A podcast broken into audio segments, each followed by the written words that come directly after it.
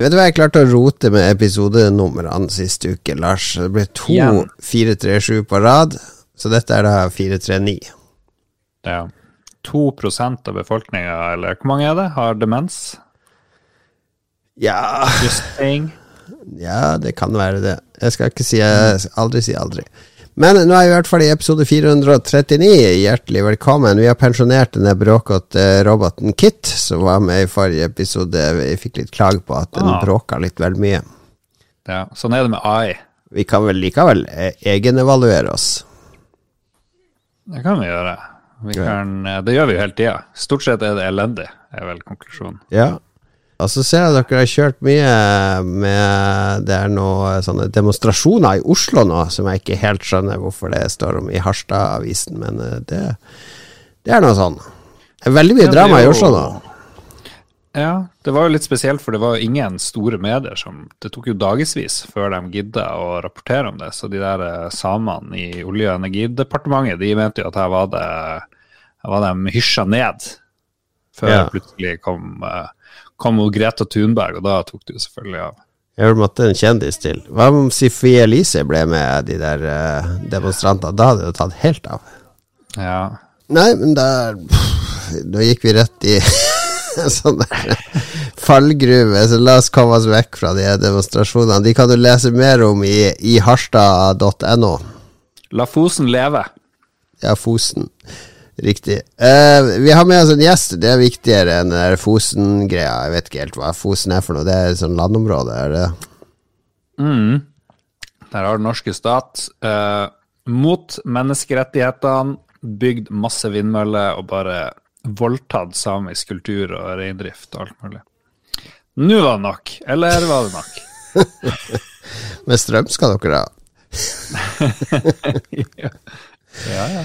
Ok, ok. Gjør vindmøllen om til vannkraftverk, er da budskapet fra demonstrasjonen. Vi må forlate det her. Vi kommer aldri i gang. Eh, Vi har fått med Greta Thunberg som gjest. Velkommen, Greta. Kan du forklare mer om hva det her handler om? Ah, jeg skulle ønske jeg hadde noe morsomt å komme med. Ehm, jeg. Jeg har, ikke, jeg har hatt sykdom i huset her i eh, hele vinterferien, så jeg har bare sett et bilde av den topplua til Greta Thunberg sitte i en demonstrasjon, så jeg har ikke fått med noe mer enn det. Hun sitter i kø for å kjøpe eh, ny eh, Nintendo Switch, som skal lanseres om 20 Ja, dager. Jeg trodde hun satt i sånn PlayStation VR-lanserings... Ja, det er det. det- Den er superpopulær blant samene, PlayStation VR. Så de har satt seg i en sånn enorm kø nede for eh, GameStop her i Oslo. Shit, nå blir vi cancelled med en gang. Var det for drøyt nå, Lars? Nei, vi har med Carl Thomas. Du er ikke Greta. Det er. Alle, alle hører det. Carl Thomas. Og du er med eh, Du har jo vært med mange ganger. Ja. Ja, jeg ser bak deg i rommet, det ser ikke lytteren da. Der står det en sånn der eh, Nintendo Labo-ryggsekk. ja, ja, ja. Den er lenge siden vi har brukt. Ja, det var You and me both. Men det var veldig artig å bygge. Ja, det var det. Ja. Og første gang. Og så ble den stående. Ja, ja. For gutt syv år, som Sigurd var da vi bygde den, så var det jo helt eh, megarå. Ja, det var tøft. Det var tøft. Men så har jeg ikke hjerte til å kaste det heller, så det ligger inni sånn skap en masse papp. Ja, jeg vet, Samme her, jeg har samme problemet. Det, det har ligget på loftet lenge nok, og nå har jeg pælma alt det andre enn den der Ja. ryggsekken. For de nye lyttere som ikke har vært med, du har vært med et par episoder før. eh, Vi, eh, jeg og du går jo way back til Game Reactor-tida, der du i veldig ung alder faktisk eh, styrte Game Reactor noen år, og så styrte du det sammen med meg i noen år, og så tok du til vett og tok deg en utdanning. Ja, nei, vi har eh, hatt noen eh, sene kvelder på GameRater-kontoret og laget magasin eh, sammen. Eh, og nå er det stort sett bare gode minner med det, men det var jo slit og svett og, og strevsomt når det sto på. Ja, det, var ja, fikk det liksom en god flyt i det, i hvert fall. det var slitsomt å kjempe mot våre eiere i utlandet, og det var, det var liksom vanskelig å lage kvalitet ofte.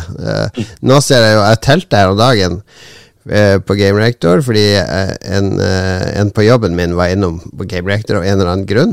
Eh, han hadde funnet en link dit til, fra et eller annet, for han jobber med kommunikasjon. Og lager sånn to kommunikasjonssaker i uka, liksom. Og så sier jeg ja, vet du hvor mange saker de har om dagen i Game Reactor? Nei, ja, da jeg jobber der, så skal vi ha tolv saker. Om dagen. Men så telte jeg nå, en dag nå. Ja, nå er det i sånn snitt 25 saker hver dag som, som de skal ha gående. Tenk det, Lars. 25 nyhetssaker. Det er heftig. Jeg ser jo på Carl Thomas sin produksjon her i VG, hvor jeg lett fikk opp en liste over ting du har skrevet. Og absolutt alle sakene du har skrevet, har to minutter lesetid. Var det noe du gikk inn for spesielt? Uh, ja, nei, men Det er vel omtrent så stor kapasitet jeg har til å bidra med noe som er interessant å lese. Det er to minutter, da piker det, og så bare dabla etter det. Jeg ble deska sånn, for det ble uinteressant etterpå. Antagelig da er min konklusjon. Du ga terningkast fem til Uncharted 3, hvis du har glemt Ja. det. Mm, Det står jeg for 100 ja. Mm, ga fem også til Batman Arkham City. Ja, det står jeg ikke for. Nei. Nei. Fem til skal? Lars skal Ja, ja. Ja, GTA 5, også terningkast 5. Nei, det var- GTA5. Nei, det var Forsa Motorsport 4 det fikk terningkast 5. Ja. Mm, Var det jeg som anmeldte det? Jeg har ingen erindring av at jeg har spilt Forsa. eh, du går også 5 til Gears of War 3. Du har bare gitt 5 til alt.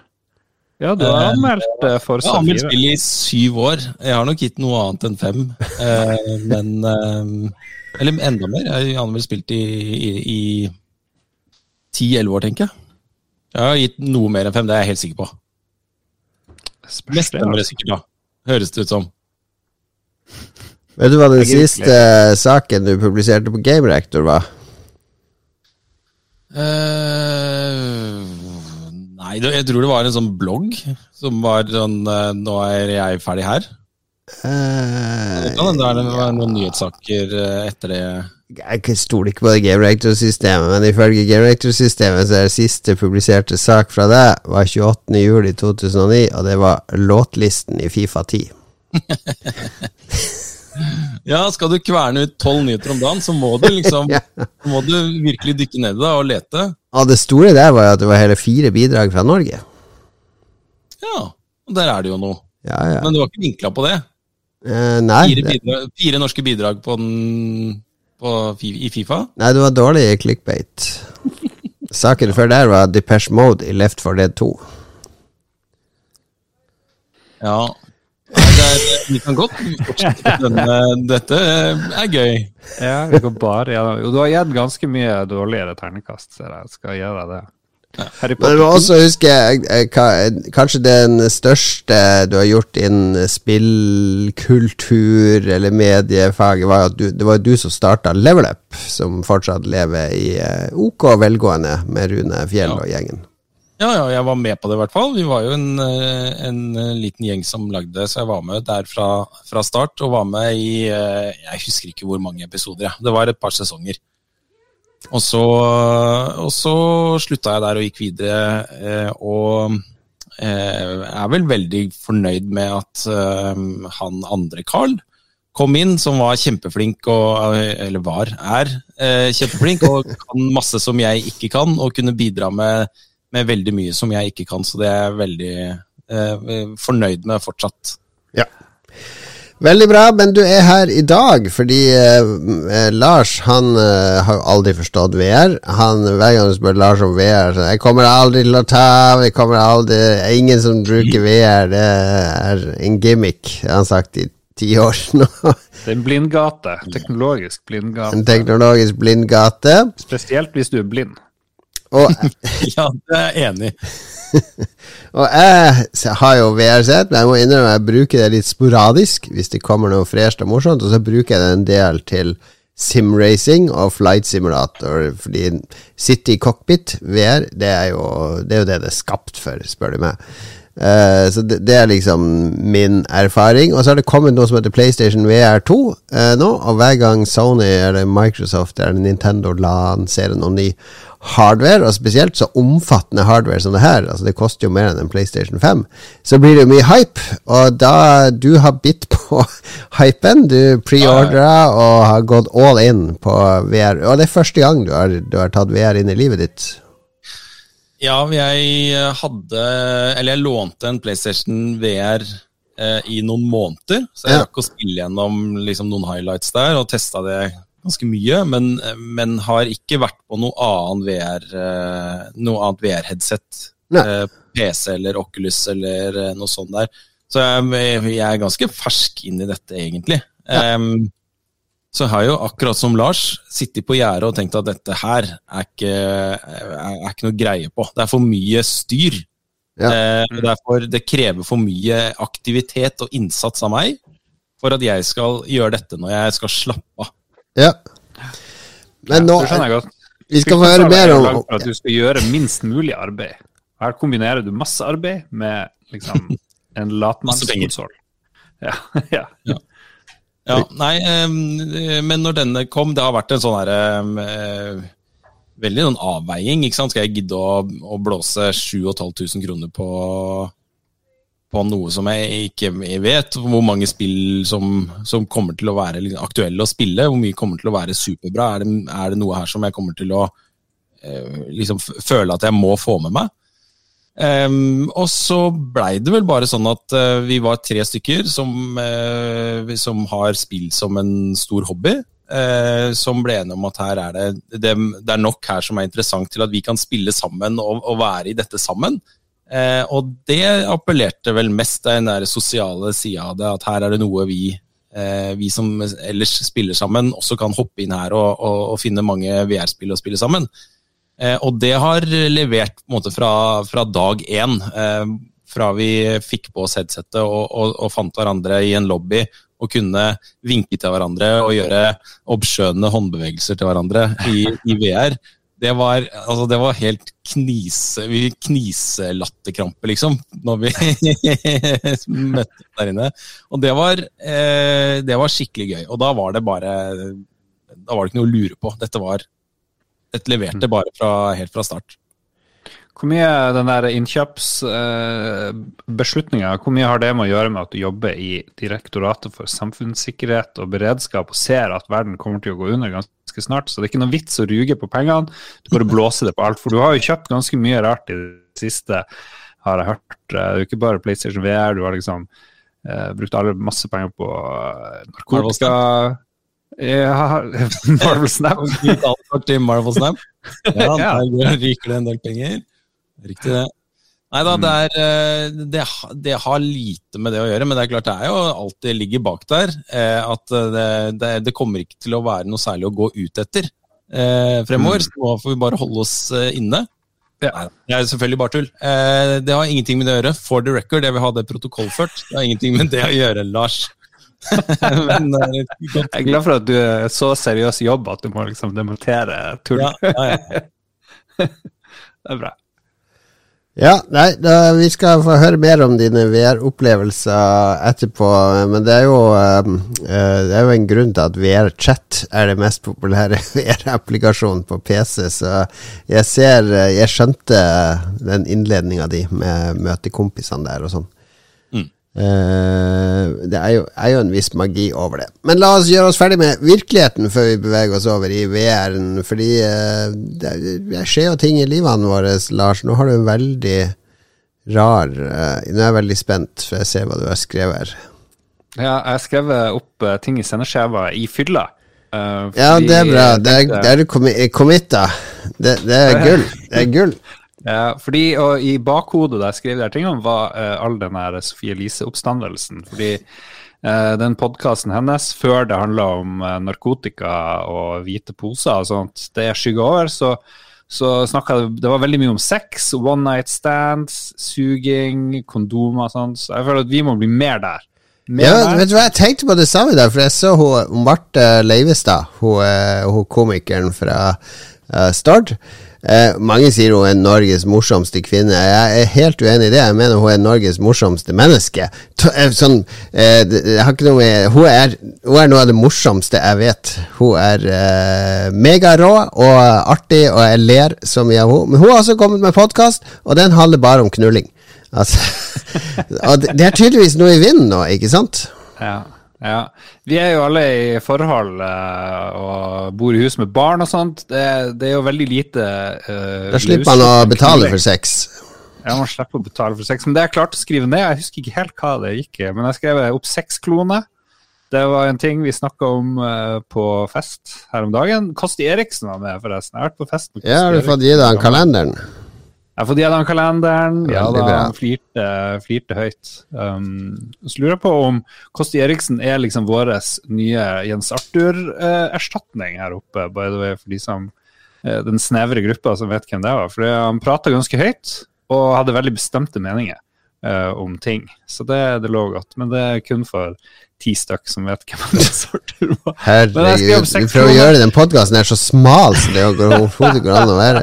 Men ja, seks, da kan du gjøre den større.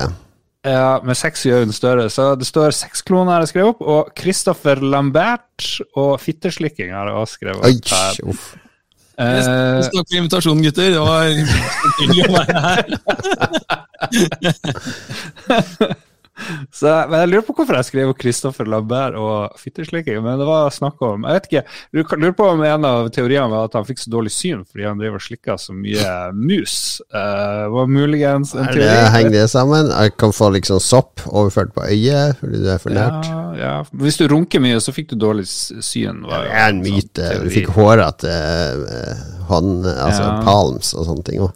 Ja, gjorde men seks, ja, men seks kloner Jeg tror det var noe sånn helt forferdelig, forferdelige For det var noe sånt Hvis du fikk en klone av deg sjøl, var et spørsmål på festen, ville du da hatt eh, sex med deg sjøl?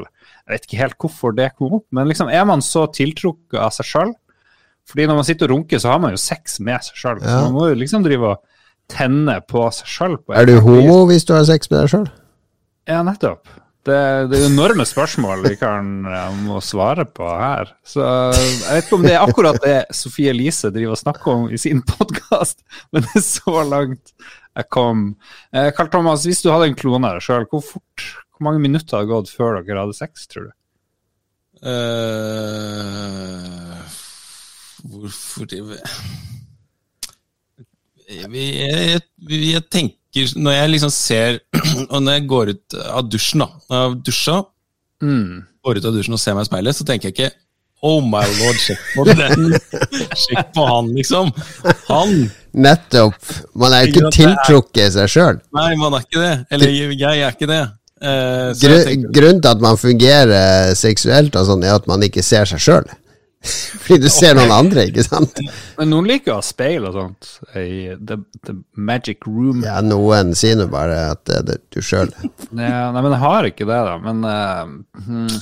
Nei, jeg vet ikke. Er det kanskje en sånn biologisk greie? Fordi ja, man er jo liksom veldig sjelden tiltrukket sin egen slekt. Det er jo veldig bra, men kan det være sånn genetisk eh, programmering at eh, man har, er ikke tiltrukket av seg sjøl heller? At hvis Det var sikkert en sånn klan et eller annet sted i verden som er utrydda nå, hvor de bare var interessert seg sjøl, og da fikk de aldri barn, for de ville var bare opptatt av seg sjøl. Jeg tror det er noe der. Var det syre de dere tok ut. på denne festen, eller? For nå er Jeg du gjør Det langt beste for å få en ny lytterskare som er Ja. interessert i litt mer Men edgy. men denne festen, var det, var, det var blanda? Altså, var det menn og kvinner der? Nei, nei, nei, det er Det var, det var pølsefest der dere Ja, ja. snakka om å klone hverandre og slikke fitte. ja, Det sier seg jo sjøl. Ja vel, ja. Takk for meg. Takk for det. Jo, nei, jeg har, eh, jeg har fått uh, siste pakken fra UPS etter mye om og men. Eller jeg fikk erstatningspakken, da. Den uh, tapte pakken til UPS. Vet jeg ikke hvor det er. Så jeg har bygd ferdig min uh, simrig og har kjørt på med vannblemme på tomlene. Med bilspill. Det kommer mer om det i spilt siden sist, men det er definitivt høydepunktet siden sist. Jeg har også vært på hyttetur. Det har vært vinterferie her i sør og gjort hytteturting. Veldig kjedelig, merker jeg. Å dele disse tingene. Ja, du har vært på hytte, ja. Fuck. Dere skal på sånn minihyttetur neste helg. Mm, dra på torsdag. Du er invitert, torsdag. Lars, som alltid. Du er invitert til 50-årsdagen min òg. jeg skal opp til Kautokeino. Jeg skal opp til mitt folk og snakke om Fosen og Ja, Olje- ja, og ja, energidepartementet. Jeg kan dra til San Francisco, det er bare gjør det. Å, min beste venn blir 50 år. Nei, det passer litt dårlig akkurat nå, med taco og fredag. Med familien. Gud, det er fremdeles Å, hyttetur med mine beste venner. Nei, Nytt på nytt. Det, det må jo prioritere. Må prioritere livet. Ja, ja, ja, det er jo det jeg sier. Du prioriterer. Jeg, jeg legger merke til prioriteringen. Carl Thomas er så glad han ble med i denne episoden. Men Du kan eh, prøve ja, klonehistorien din eh, i Kautokeino også, da, Lars. Hva du sa Du kan jo prøve den klonehistorien din oppe i Kautokeino også. Ja. Blir der. Ja, kanskje få litt mer gehør hos, eh, hos Ja. urfolket. Kanskje, kanskje. Nei, hva har eh, skjedd i, i beredskapslivet ditt da, Carl Thomas? Ja, sørgelig lite. Vi har, eh, som jeg var inne på, eh, hatt eh, vinterferie her nede, og sjukdom i dette huset. Og det er jo råkjedelig. Mm. Men jeg har vært frisk, så jeg har, jeg har liksom bare ikke kunnet gjøre noe. For jeg har måttet være sånn serviceansatt. Men til, til gjengjeld har jeg spilt mye Snap. Marvel Snap. Ja, ja, ja. Og her kommer eh, spørsmål til eh, Spiller du det, Jon Cato? Nei, nå er jeg ferdig med det. Nå har jeg hekta alle andre på det. Da føler jeg at min, min Ja, oppgave er gjort. Men Lars, da? Ja da. Ja. Det er fullt kjør. Timevis.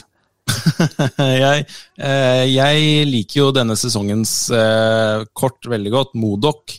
Eh, Som i runde fem som regel da ødelegger alle andre kort du har på hånda di, og så må du konstruere en dekk eh, som utnytter det. Em, og jeg tenkte at dette her kommer til å bli dødskjedelig, jeg kommer aldri til å bruke det kortet. Elsker det kortet, bruker det hele tiden. Eh, men denne sesongen syns jeg er vanskeligere enn tidligere. Jeg taper flere kamper, og det kan jo hende det er fordi det metaen er så forutsigbar, da, at det er veldig mange som bruker Modok. Men jeg føler jeg liksom har prøvd å mikse det litt opp og spille med litt andre dekker som har gjort det bra i tidligere sesonger. Eh, men opplever du det, Lars, at det er vanskeligere denne sesongen? Mm, nei, men jeg er jo ganske lav level ennå. Jeg lurer på om det har noe med liksom, hvor mange kort du har tilgang til, og så pares det opp mot det, eller er det mot levelet i sesongen? Det vet jeg ikke, men jeg kom opp på nivå 65 her nå ganske fort. Eh, Det er det høyeste jeg har vært. Jeg har aldri liksom vært over det, da. Men mm. jeg kjører en ikke så høy level, så det har kanskje litt å si sånn generelt. Og så kjører jeg Shuri, som gjør at det neste kortet ditt får dobbel power. Og så kjører jeg ut Red Skull, sånn at den får 30. 30. Og så kjører jeg enten Armin? Sola eller Taskmaster for å kopiere den. Og med et par kort ekstra så er det veldig få som klarer å ta det, da, hvis de ikke Ja, ja. klarer å stoppe det der. Ja, den er rå, den. Så den er, den er enkel. Jeg har liksom sett litt på han der uh, Modok, men jeg har ikke helt kommet uh, så langt. Men jeg, har lyst til det. Åssen er det spillet? Er det sunsetting av kort der?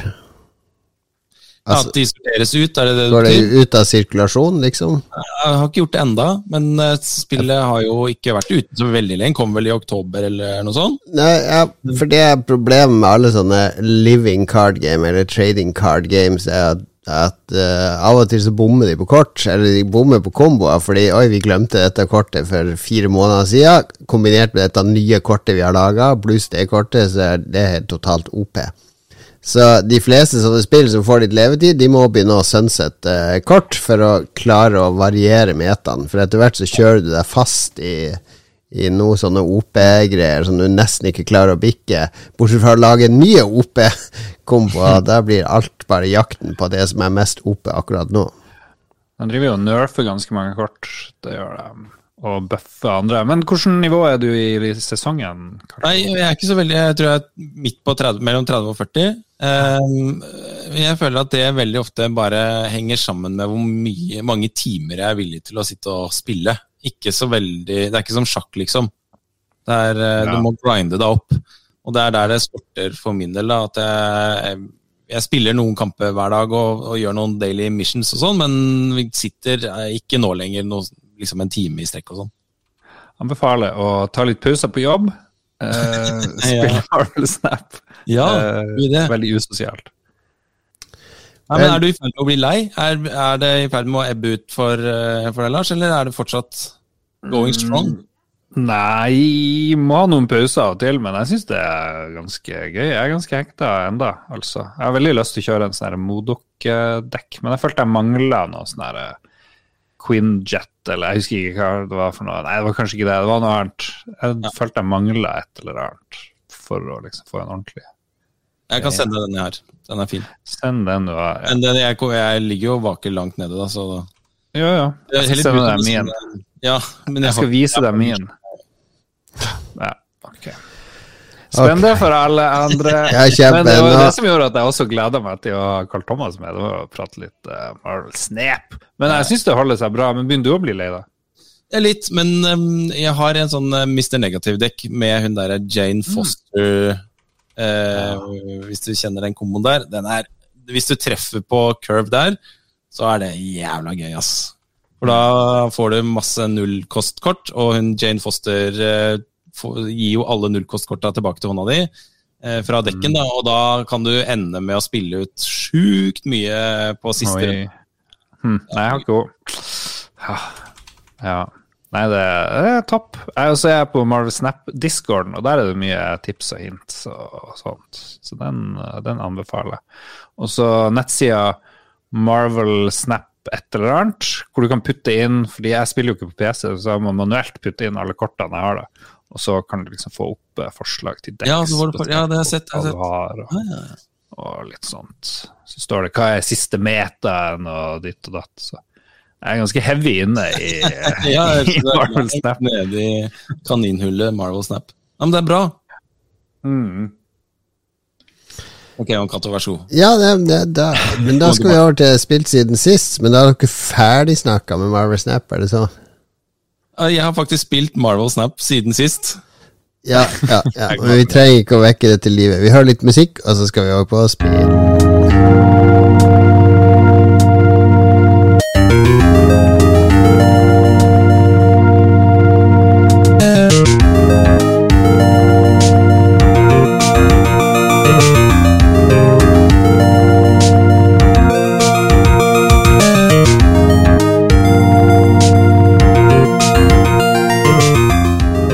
Hørte på litt uh, musikk. Nei, det- vi hørte på uh, Skal vi se hva vi hørte på uh, Hvorfor finner jeg Du ikke ut veldig japansk ut, Ja, du tenker det? men det var det ikke. Lurer det er ja. Nei, det er uh, Ace Ace Attorney. Ja, der ser du. Sugoi. Sugoi Ace Attorney. Det er fin serie, altså. Fin serie, men er den fin i VR? Det skal vi ikke få svar på i dag, for det er ikke noe PlayStation-serie. Skal vi eh, gjøre oss unna med vår, vårt rask, Lars, før vi hopper inn i den vidunderlige verden med PlayStation VR 2? Ja, ja, ja, ja. Skal vi se hva står på lista her. Ja mm, uh. Eh, Men har du spilt det her uh, Icewall, som jeg ser du har ført opp? Ja, det har jeg spilt. Ja. Nytt Jame, ditt Jeff Minter-spill? Det har jeg ikke spilt, men jeg skulle Det har du nevne. Jeg har Ah, bare kjøpt det og lest det ned. Det har kjøpt. Ah, for det er jo det Det er jo stort. Hva er Icewall for noe? Er det, et, eh, er det sånn intervju? Nei, jeg har spilt uh, Icewall er et norsk spill. Uh, Laga av en dude som jobba i uh, eh, Hva heter det Megapop. Eh, Han heter Erlend Kirkebø. Eh, og det, det er en slags Jeg driver og intervjuer folk. Jeg slutter jo ikke selv om jeg ikke er på jobb. Nei, nei. Eh, han heter Erlend Kirkebø. Han har laga Det er en slags Space Invaders-klone. Med Du får masse power-ups, og så er det masse nivåer. Altså det, er, det er en slags rogelike, avhengig av hvilke power-ups du velger. Og så er det litt sånn bullet hell. Det er veldig, det er veldig sånn lite konsist spill, men uh, det er så tight laga at jeg bare blitt sittende og spille det på, på Steam-dekken. Det har 18 reviews på Steam. Det sier seg sjøl. Da har det solgt 1000 eksemplarer maks, dessverre. For det er, det er litt uh, veldig litt sånn kosespill, rett og slett. Skal vi, uh, Karl Thomas, har du vært på jobb med tysker spilljournalister noen gang? Eh, ja, ja, ja. How many Ja. polygons? Ja, skal vi kjøre litt sånn? Hvor mange fiender er det i Ja. spillet? Hvor mange fiender kan være på skjermen samtidig i dette spillet? Ja, det kan være ganske mange. I hvert fall hvis du teller hver kule som en fiende, så er det, vil jeg si, nesten 100. Oi. Det er many, en gang for meg, i hvert fall. how many frames per second? Ja, det er litt avhengig av skjermkortet ditt, men det kan du kjøre eh, nesten uendelig. Are there women involved in the development of this game? No women, no women. Dette er Sound Blaster Pro. Uh, nei, unfortunately nicht. No. Will there be an adventure mode for this game? Vel, det, det, i Rogue-kvaliteten gjør jo at du lager ditt eget eventyr basert på hvilke power-ups du velger underveis, og så er det originale fiender som en sjørøverskute og andre ting som kanskje ikke passer inn i sånne romskytespill. Hvor mange save-profiler går det an å ha gående samtidig? det er veldig tysk spørsmål. uh, det, der tror jeg bare én. Ah. Veldig bra. Det blir gøy. Morsommere når vi får litt sånn tysk vri på det. Ja, de har fått til det der. Den etterrettelige tyske spilljournalistikken. Ja. Ja, nei, men det er gøy. Altså, det koster en slikk og ingenting på Steam, og der kan du støtte en, en en enslig norsk indieutvikler. Jeg har ikke alle enslige utviklere som lager spill som uh, Minecraft og, og sånne ting som selger millioner, ikke sant? Det er mange som sliter og strever. Dette er faktisk kvalitet i forhold til hva det er. Så, så Icewall på eh, Steam, sjekk det ut, altså. Icewall. Ok, jeg har spilt noen norske spill i det siste. Ja, ja, du er på norskkjøret, du òg. Norskkjøret Jeg går gjennom noen greier som kom ut i fjor, da. Mm, Ja, fordi du sitter i en eller annen jury, så du Ja, er tvungen til å spille jury. de her.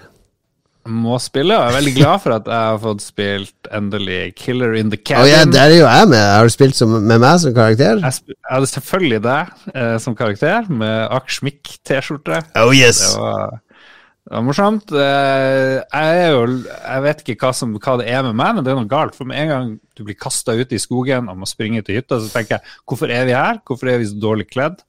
Hvorfor løper det er fordi vi bare en buss kjørte ut fra et stup?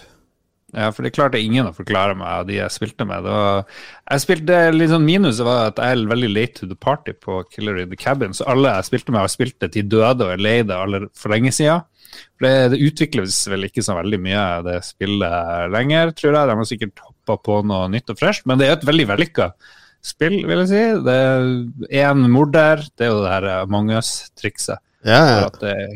På en hytte og 3D og survival. Fordi du må spise, du må ha varme, du må sove. Så kan folk komme og kvele deg mens du sover osv. Så, videre. så hvis du blir drept, så kan du ikke snakke med de andre. Men det, jeg synes det er veldig gøy. Du kan gå og poisone andre, legge gift i vannflasker og eh, du kan lage mat og hogge ved og sånt. Uh, hente vann fra brønn. Eh, men jeg vil anbefale å spille med folk som aldri har spilt det før, fordi det ble litt sånn der eh, alle andre visste alt og var veldig sånn jaded. Så, men jeg koste meg veldig. Jeg syns det, det var kjempeartig.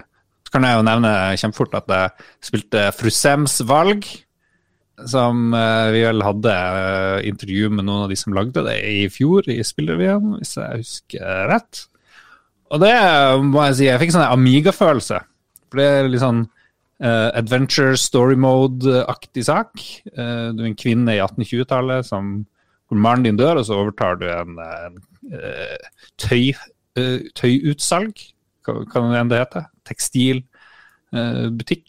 og så må du navigere Oslo sosietet med sånn mye ja, nei, og så må du huske hva som sto i avisen for å få poeng hvis du havner i konversasjon om den her nye kunstneren, hva egentlig holdt han på med før, og sånt. Så må du masse folk som har lyst til å sjekke det opp, og så har du lån i banken, så du må betale det. og Fikk veldig sånn her Amiga-halveventyr, liksom blanding av masse sjangre på et vis. Kjøp og salg og Ja, ja. svare i, i ja og nei og ditten og daten. Ganske enkelt, men uh, lærerikt. Man kan lære masse om hvordan det var i Oslo, og hvordan kvinner hadde det back in the Vi, vi hadde vel et intervju med fru Sem i uh, spillebyen når vi fortsatt lagde det.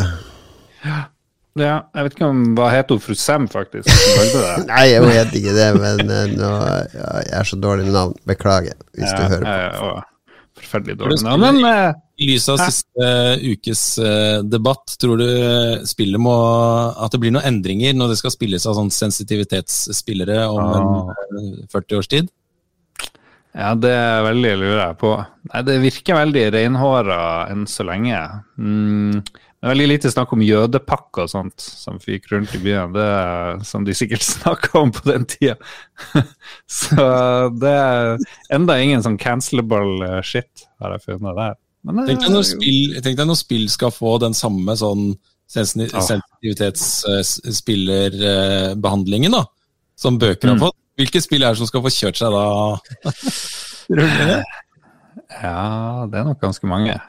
Ganske mye de kan eh, finne i Civilization og sånne ting ikke sant, som skal være litt historisk korrekt. Eh, og altså sånne romspill der du kan kjøpe og selge slaver og Sånn, altså du har jo I, i f.eks. Stellaris så kan du jo lage et diktatur med slaver og andre ting. Og Moddan der lot jeg vel også lage sånn at slavene kunne være mørke i huden og gå all in. Så det er jo mye Mye spill kan uttrykke som kanskje ikke er helt politisk korrekt. Men om det er noen spill, gamle spill som er, går over strek Altså Det er mye forelda kvinnesyn, men det vet vi jo. Du skal alltid redde prinsesser og sånne ting. Det har det jo vært kritisert for lenge. Mm. Mario blir kansla. Ja, ja, ja, ja, han er jo også It's a me, yeah. I am Italian, I like pizza and pasta, pronto, pronto, prego. Ja. Mye stereotyper. mye stereotyper. Jeg så Egmont òg er ute i hardt vær nå med Disney, for de, har jo, de gir jo ut disse Disney Eller disse Donald-bøkene med de komplette årgangene. ikke sant? Det begynte med at du kunne kjøpe det Eh, en sånn hardcover-bok med hele 1949, eller når det var første året Donald kom. Så fikk du alle de originale Donald-bladene i en sånn fin hardcover-bok. Og så har de gjort det år for år. Og så etter hvert som det blir flere blader, så har de delt det opp så det er sånn delbok 1, 2, 3, 4 for 1956 osv. Det er en veldig fin måte å få alle disse på. Men nå i det siste så har de plutselig så har det begynt å forsvinne serier fra de. Blant annet uh, hi, Lille Hiawata, for de som husker han. Denne lille indianergutten. Har sporløst forsvunnet fra de nye opptrykkene. Og også eh, Bamse Brakar og Langøre, alle de seriene er forsvunnet fordi Disney har totalkansellert de seriene, for de kommer fra den Song of the South, den filmen de gjerne skulle begravd. Den litt eh, naiv, uh, rasistiske filmen om slaver i sørstatene som Disney en gang lagde. Så, ja. så ja, det er mye opprydding i gamle ting nå. Hva, hva skal vi gjøre med gamle Lolbua-episoder? Er det noe som blir kansellert der, Lars? Her må vi gå gjennom. ja, der er vi ute å gjøre. Men det har vi jo visst om uh, lenge. Jesus.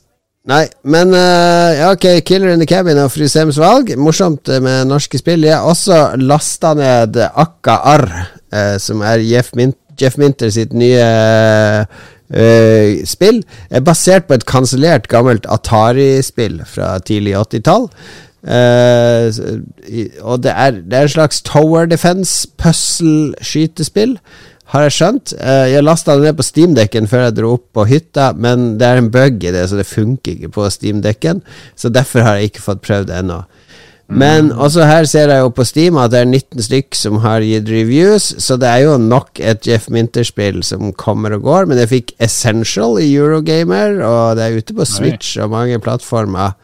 Så det burde jeg, jeg, jeg, får så vondt av den mannen som lager de særeste, rareste, vidunderligste ting med utrolig mye egenart, men som bare drukner i eh, et marked eh, full av eh, blaserte mm. folk som bare spiller det som ser pent og føles kjent. Det forrige Jeff Minter-spillet vi spilte masse, kom det ikke et eller annet sånn på mobil eller noe som jeg syns var ganske ja, Han har laga mye bra.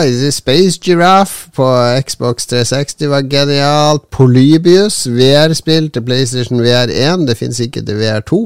Og der har han sjøl sagt at hvis Sony vil ha det, så må de betale han for å porte det, for det er ikke bare å trykke på en sånn porte-knapp. Og det var eh, under, underskuddsprosjekt nok en gang, så han kan gjerne gjøre det, men han må bare få litt betalt.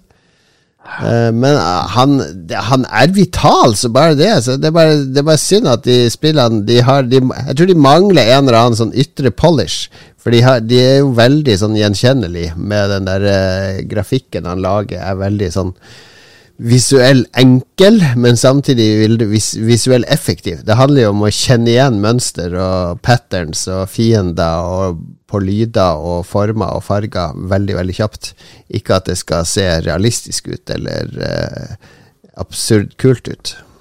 Ja. Ja, han, er, han er prototypen på en som bare lager finner et eller annet artig interaksjonssystem, og så lager et spill rundt det.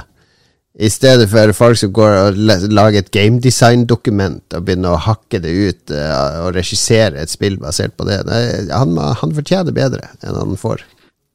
Ja, det var Goat Up det var det forrige. Det er faktisk 2011.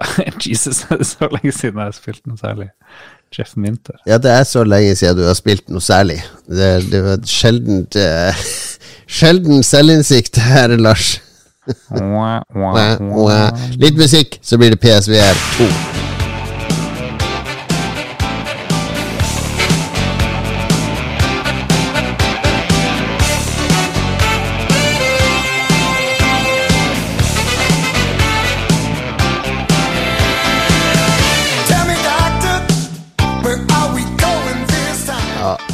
Vi kan ikke spille så mye av det copyright, men det er fra Back to the Future uh, Telltale-spillet. Det var Hulu and the News med.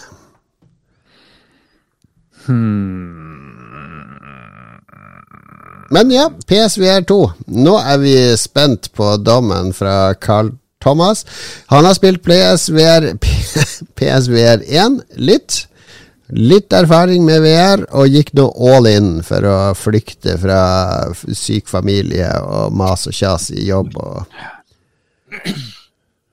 Ja, Um, det, jeg syns jo jeg, Når jeg har gått og gleda meg lenge, i, i mange måneder, til å få dette, og, og hatt god tid til å grunne over hva, hva som er så appellerende her Og det slo meg at eh, fra min egen barndom så husker jeg at det var sånne noen sånne store teknologiske milepæler i eh, oppveksten. Det var f.eks. da pappa kom hjem med en ny datamaskin som hadde svart-grønn skjerm, og hvor jeg kunne eneste som var mulig, var å, å liksom skrive i Word Perfect. Men det føltes som en sånn milepæl da, i, i livet vårt hjemme. ja, Eh, og en annen sånn teknologisk sånn milepæl var Jeg husker vi fikk printer. Oh. Eh, som føltes som en sånn stor teknologi, et, et frem, eh, fremskritt hjemme hos oss. Og vi printa ut, og vi kunne fargelegge, og vi kunne printe ut oppgaver, og vi kunne printe ut liksom eh, Og det, det kunne vi glede oss over.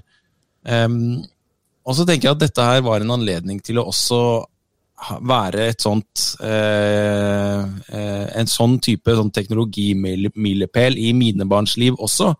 Eh, at ja. Kommer pappa hjem med helt ny, moderne teknologi, og så skjønner jeg at det, det er ikke helt moderne og det er ikke helt nytt, dette VR-greiene, men for oss og i våre liv så er det det. Um, og det var, eh, det var eh, skikkelig kult. Vi har gått og gleda oss veldig og fulgt med, og jeg er virkelig kjent på den samme eh, UPS-frustrasjonen som eh, Jon Cato forteller om med den eh, med denne, de pakkene og, og, og vente på postmannen. Jeg ble jo oppriktig bekymra for Jon Cato, som har sånn her høyt blodtrykk, og så driver og hisser seg så mye opp for en pakke. Ja. Nei, men Det var et mareritt, ikke sant? fordi eh, når den skulle komme, den kom jo 22., onsdag forrige uke. Eh, og, og det er ingen som vet noe svar. altså Ingen har noe svar. Ikke på Elkjøp i butikk, ikke på support. Eh, ikke på, ingen kan ringe til noen. Jeg kan ikke bare ringe lageret. Nei, kan ikke det. Ikke, det kan du ikke ringe til dem, liksom. Det Ja, er de, de har satt opp sånne enorme vegger. Det som var litt gøy når jeg endelig fikk den der pakken min på fredag Jeg hadde jo ringt og snakka med mange folk og prøvd å spore hit og dit. Fikk alltid beskjed om jeg kan ikke snakke med dem, men jeg skal be de sende deg en mail. Så de tok jo ned den mailadressen min 100 ganger. Og hørte aldri noe før rett etter jeg hadde fått den pakken. I timen etter jeg fikk pakken, fikk jeg fem mail fra UPS. 'Nå har du fått pakken din, ja! Se, nå har du fått pakken din! Endelig har pakken din kommet!' Da, da kunne de sende mail. Ja. Nå får vi ikke kjeft. Det var et mareritt, og, og i hvert fall når man går og gleder seg ikke sant, og venter og, og risikerer at uh, man går gjennom en vinterferie uten at man får testa dette. ikke sant? Vi hadde jo noen fridager og sånn. Så øh, det var kjempefrustrerende å bare gå og vente, og ingen vet noe, ingen kan gi noe svar på hvor det er, og hvor, hvorfor kommer det ikke på lanseringsdagen. Det er helt elendig. Jeg betalte for dette for et halvt år siden snart.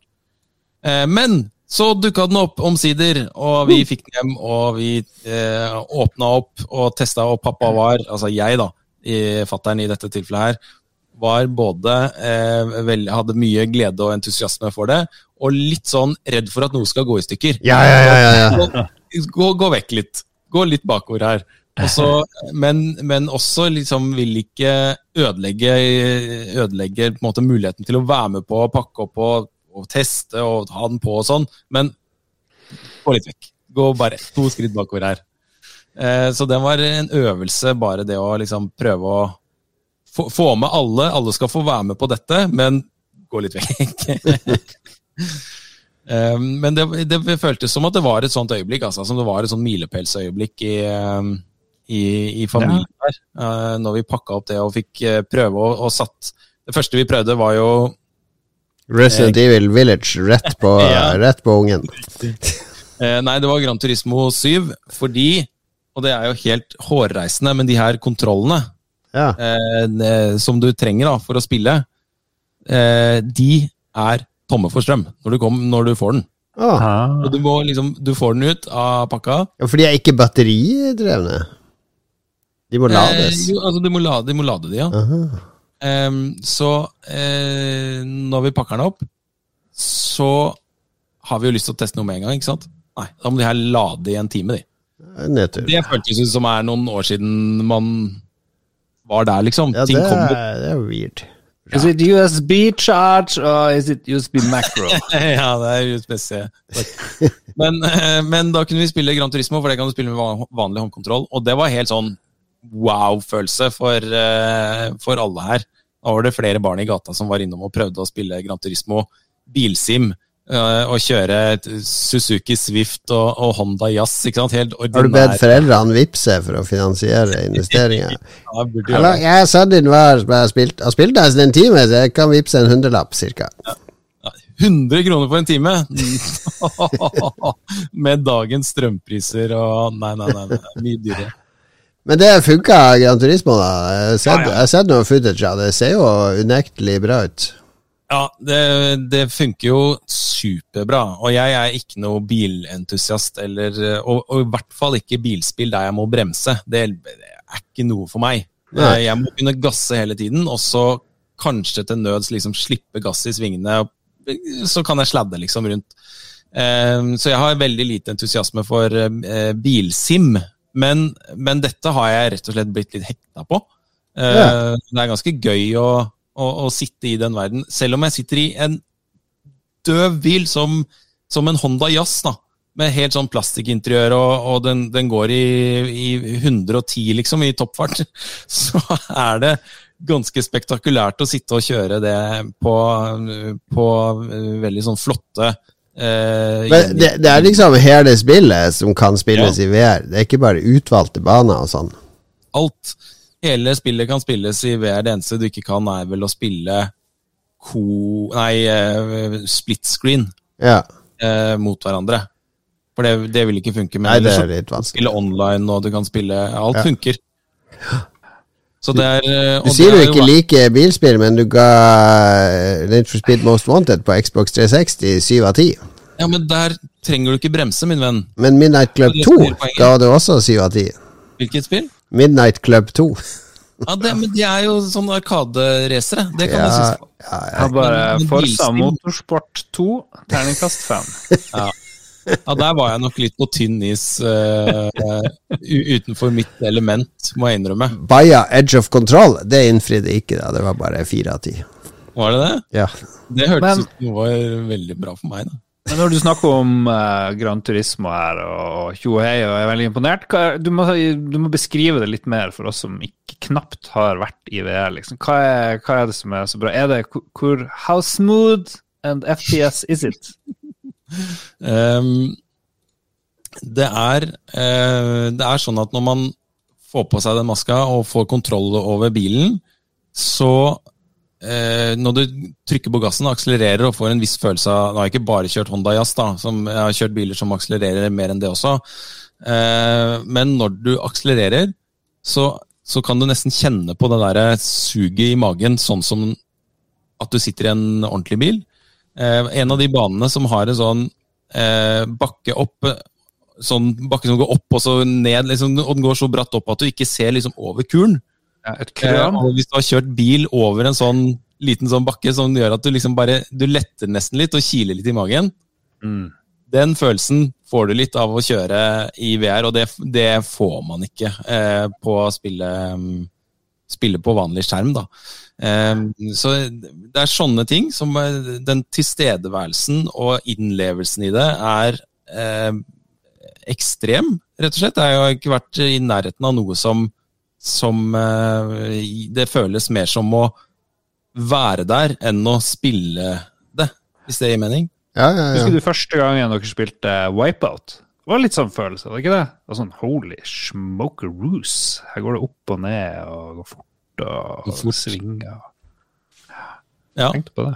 Ja, nei, eh, Og så kan du jo tenke deg det i, med liksom Med full maske da, og fulle omgivelser rundt deg, og du kan se deg rundt. Eh, ikke så lenge om gangen, riktignok, for da kjører du ut. Men, men det å, å, å kjøre forbi en, en blankpolert bil og kunne se refleksjonene av din egen bil i den blanke bilen du ligger ved siden av, det, det føles veldig, veldig eh, det, det er lett å bli revet med og lett å liksom føle en, en sterk eh, tilstedeværelse da, i de spillene.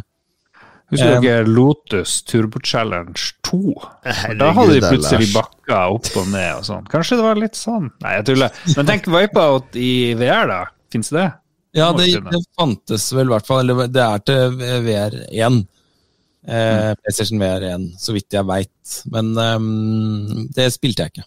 Det er Barf Simulator, tenker jeg. Husker dere Afterburner på Nei, det var ikke Men, men det, det har vært veldig sånn teknisk imponerende, eh, Gran Turismo. Men det som har vært det, det, gøyeste å spille de første dagene, det er de spillene der hvor vi eh, kan eh, logge på sammen, se hverandre, se hverandres måte, tilstedeværelse i den spillverdenen. Vinke og, og liksom se hverandre bevege, bevege seg rundt. em, og være sammen. Eh, og da er det et spill som heter Demio, som vi har spilt, og der, er det, der sitter man nede i en kjeller, sånn, det ser ut som en eh, 80-tallskjeller der du vokste opp, med vinduene høyt oppå veggen, med en liten eh, glipe og litt lysinnslipp. Det er en platespiller, og det er en VHS-spiller og en gammel TV som står i et hjørne, og det står noen filmer, og det henger rockeplakater på veggene. Eh, og, og vi samles rundt et bord, og foran oss på bordet så er det et spillebrett. Og dette spillebrettet er, eh, kommer til live. Det er, eh, det er som et eh, Dungeons and Dragons-aktig univers. Med, mm, det kan minne om Hero Quest, hvis dere kjenner til det. Ja, ja. Eh, som, ja. Som er Det er Dungeons and Dragons-aktig. Det er Du går ut og utforsker dungeons, da. Med forskjellige helter. Eh, Og der henger det fakler og brenner på veggene. Eh, Der veggene lyser opp av eh, magiangrep, og det, det, det drypper gift fra giftpilene, ikke sant. Så det kommer veldig sånn til live. Og det å sitte rundt det spillebrettet og se på hverandre og peke 'vi må gå bort her', og, og, og kaste terningen fysisk, på en måte, da, eller i hvert fall føles det sånn, å kaste den terningen. Og, og håpe at man får et, eh, en critical hit på den edderkoppen eller, eh, eller den eh, orken som kommer. Det, det, det var en, vi var helt sånn lattermilde når vi spilte, for vi syntes det var så kult å sitte der og ta en øl og være til stede i den kjelle, virtuelle Er det ikke vanskelig å drikke øl med headsetet på? Jo, det er det. Det er Ja. jo en kjempekritikk, ikke sant. Og sugerør, liksom. Ja, du må ha sugerør, ellers må du vippe hodet langt tilbake Mm. For å, for å få drukket. Ja, for Det de, er- er jo på PC òg, har det jo vært en stund. Jeg har hørt om det. Hvor mange timer kan du kjøre Dime og VR før du får lyst til å bare være i en ordentlig kjeller og henge med andre folk? Nei, det eh, de, Vi som spiller sammen, det er én på Hamar og én i Oslo og jeg i Sandefjord. Så det, eh, det er ikke så hvis vi, skal, hvis vi skal være sammen, vi tre kompisene, da, så er ikke det et alternativ allikevel. Um, men det er klart, det kan Ja, jo ja. stille alt mulig. Nei, men det er ganske trist, egentlig. da. Det er det du sier. ja, det er det jo. Og det er veldig Ja, når du sier det sånn, Lars. La oss suge gleden ut av VR. Nei, det Det ser er veldig kult ut. Ja, det er, eh, det er faktisk kjempe, kjempekult, altså. Vel, eh, et, av som, et av de spillene som har vært mest eh, eh, sånn over, overrasket mest, da. Følelse av å være til stede sammen. Men sånn VR, ikke sant eh, Når man har eh, samboer eller partner, så er det én ting å spille Marvel Snap på telefon på sofaen mens TV-en står på og Nytt på Nytt går og sånn. Da er man til, stede eh, 60 Så en annen ting, jeg går og spiller litt på PC-en eller på PlayStation på gutterommet eller hvor det er. Ok, det, du er under samme tak, det, jeg kan rope 'Karl Thomas, nå må du ta ut oppvaskmaskinen', kan få kontakt med deg, ikke sant. Eh, du er til stede 20% men VR da er det liksom sånn Ha det bra, kjære! Nå, nå forsvinner det! Uh, det, det, er ikke er, er, det var full aksept i heimen for det her. Du har jo solgt det inn som noe sånn her som hele familien skal ha glede av, så du har jo vært smart Ja, ja, ja. ja um nå er det litt sånn hon- honeymoon-fase her, da, med, med at eh, alle får lov til å være med. Sigurd prøver, kona mi har prøvd. Eh, og så nå er det gøy, men det, det er jo som du sier, man er jo 100% okkupert med det man, eh, når man er inne i VR-maska. Da er det ikke så lett å komme trekkende, og så, og så, så skal jeg liksom snu meg mot henne og se henne gjennom sånn pass-through-kamera. så hun kan liksom ikke se øynene mine eller få noen sånn respons, ansiktsrespons da, fra meg eh, når hun prøver å snakke til meg eh, der. Så Hun får sånn an ansiktsresponsen er sånn Hva i helvete er det nå, da? ja. nei, nei, men eh, det som er helt reelt, er jo eh, hvor selvbevisst man er. I hvert fall hvis det er noen andre i rommet. Eh, og, og, og komme over den der terskelen på at du, du, du føler deg ganske rå når du holder en, en assault rifle i, eh, i et av de spillene og, og, sikter og, og headshotter på zombier. Eh, og så skjønner du ikke sant, det der blaffet eh, som vi snakket om i stad, når du ser, ser deg selv ha sex. ikke sant, Det er det minst, absolutt minst eh, eh, hva skal vi si, tiltrekkende du kan tenke deg. Og, og det er ja, altså så er det blaff at jeg ser meg selv liksom utenfra stå med de, de to håndkontrollene her, da. Sånn her, liksom. Og, og prøver å skyte, og, og veiver sånn her. Det ser jo ikke så kult ut. Men det føles veldig kult. Ja, ja, I maska, i spillet, så føles det veldig kult. da. Eh, er det noe porno klart på PSVR2? Nei, det er det ikke. Det er jo en stor eh, Og det er jo det som kommer til å felle hele PlayStation VR2, selvfølgelig. Det er porno har jo vært med på å avgjøre teknologiens utvikling eh, i flere anledninger. Så det, dette er, det er jo krise, selvfølgelig. At ikke, at ikke det er tilgjengelig. Eh, og da, da snakker jeg ikke på egne vegne, men for teknologiens vegne. Mm. Eh, Selvfølgelig. At, ja, selvfølgelig. Nei da, men Eh, ja, det kom, vi har noen lytterspørsmål. Det har hopa seg opp her, og det er mye om PSVR. Så flere, flere spørsmål skal bli besvart Ja. senere. i- Hva, er det noen flere hva, hva vil du trekke fram nå etter fem dager med PSVR2? Er det, er det nedtur å spille på vanlig skjerm?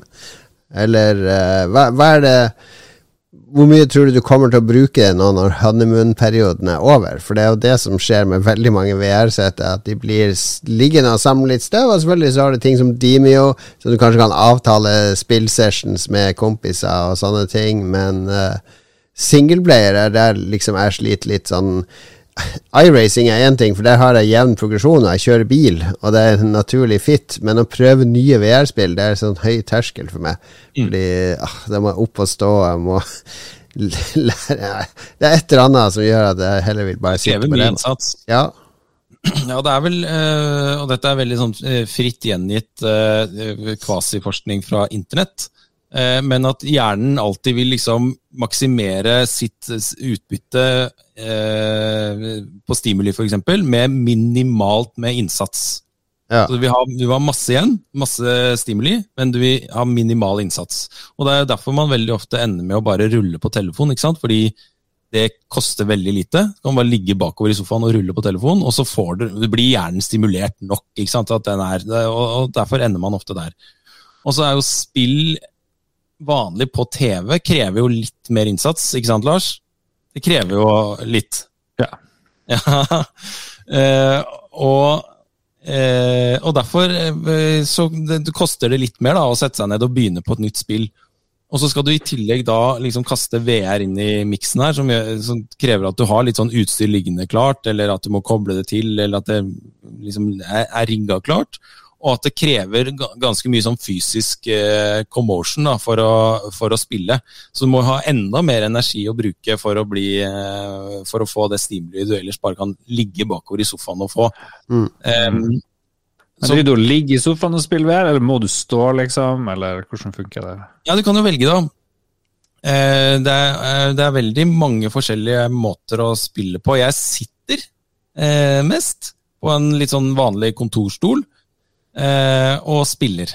Eh, og det funker bra. Men det er også folk som liker å, å stå og, og liksom kunne bevege seg rundt da, innenfor det spillområdet.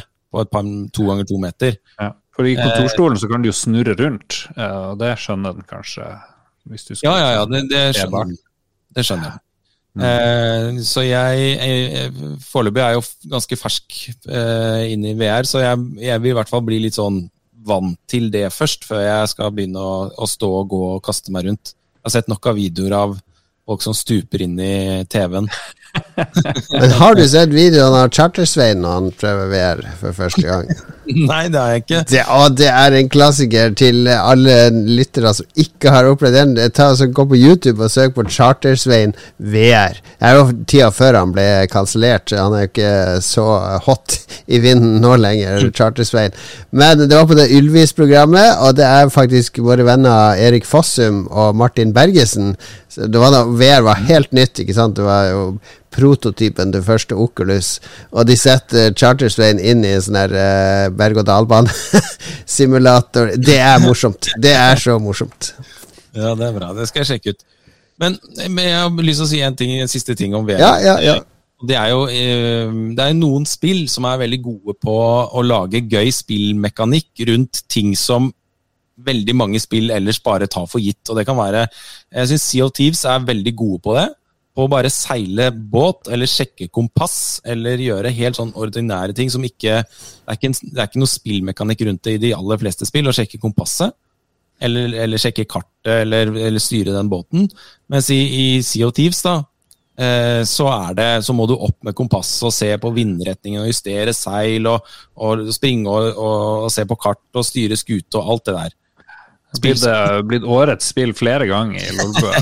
ja, Ja, det du beskriver der, er veldig sånn hands on, ikke sant? Du er veldig hands on med å, å gjøre små, små ting manuelt, som man ofte bare må trykke på A for å gjennomføre i spill. Og, og det er det som er veldig tiltrekkende og også tilfredsstillende å gjøre i VR. Eh, vi har spilt et spill som heter After the Fall. Zombie-apokalypse, veldig sånn B-filmpreget.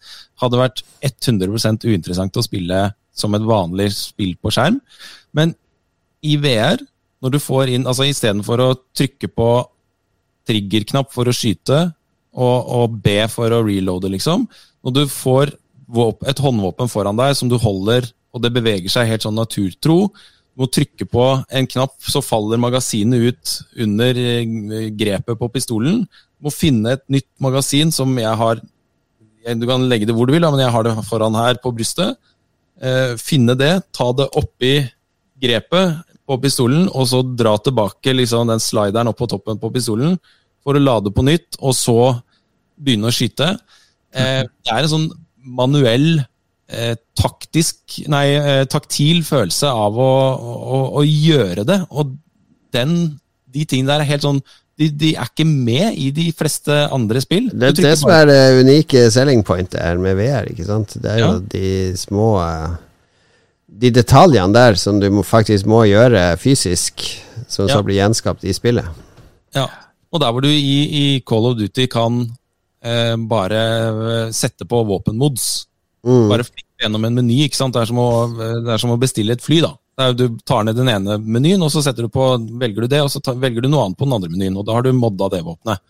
Mens eh, her så jeg går bort til en arbeidsbenk, set, monterer dette våpenet opp på en uh, arm foran meg, og finner fram en, en sveise, sveisepistol, liksom, og, og sveiser av eh, løpet da, på et gevær. Så faller det ned, så må jeg ha et nytt geværløp, sette på, få sveisa det på og, og gjort det klart, og gå på skytebanen og sjekke og teste det. Em, Og hvordan jeg holder det geværet, hvis jeg holder det med én hånd som eh, som en gangster, da, så, så spruter jo kuler alle veier. ikke sant? Helt umulig å treffe noen ting. Så du må holde det med to hender. Du, du må liksom lukke ett øye og sikte ned eh, iron sight, liksom. Du må, bruke, du må sikte som du ville sikte med hvis du holdt et ekte gevær. Du må stabilisere det med en hånd foran før du kan liksom skyte og, prøve, og ha et, et eller annet håp om å treffe noe. De der tingene der som man ikke tenker på, de er ikke til stede i andre spill i det hele tatt. De føles helt sånn Det er, det er en ny verden eh, som føles veldig gøy å være med på å være en del av. Fantastisk. Du selger inn veldig godt. Eh, Ja, dette var godt solgt inn. Det eneste jeg lurer på, dette magasinet som du hadde festa på brystet, kan du dytte de opp i ræva, sånn at du må liksom dra de ut av ræva di og så inn i pistolen? Da vet jeg hva- jeg skal teste etterpå, i hvert fall. Nå kom jeg på ideen til et nytt VR-spill. Det er Airplane Booker. ja. Masse oppfølgere. For det, du sammenligner det å spille med at man kan, kan liksom bare bestille fly. eh, Ja. Jeg tror det blir et bra spill. Det skal jeg lage.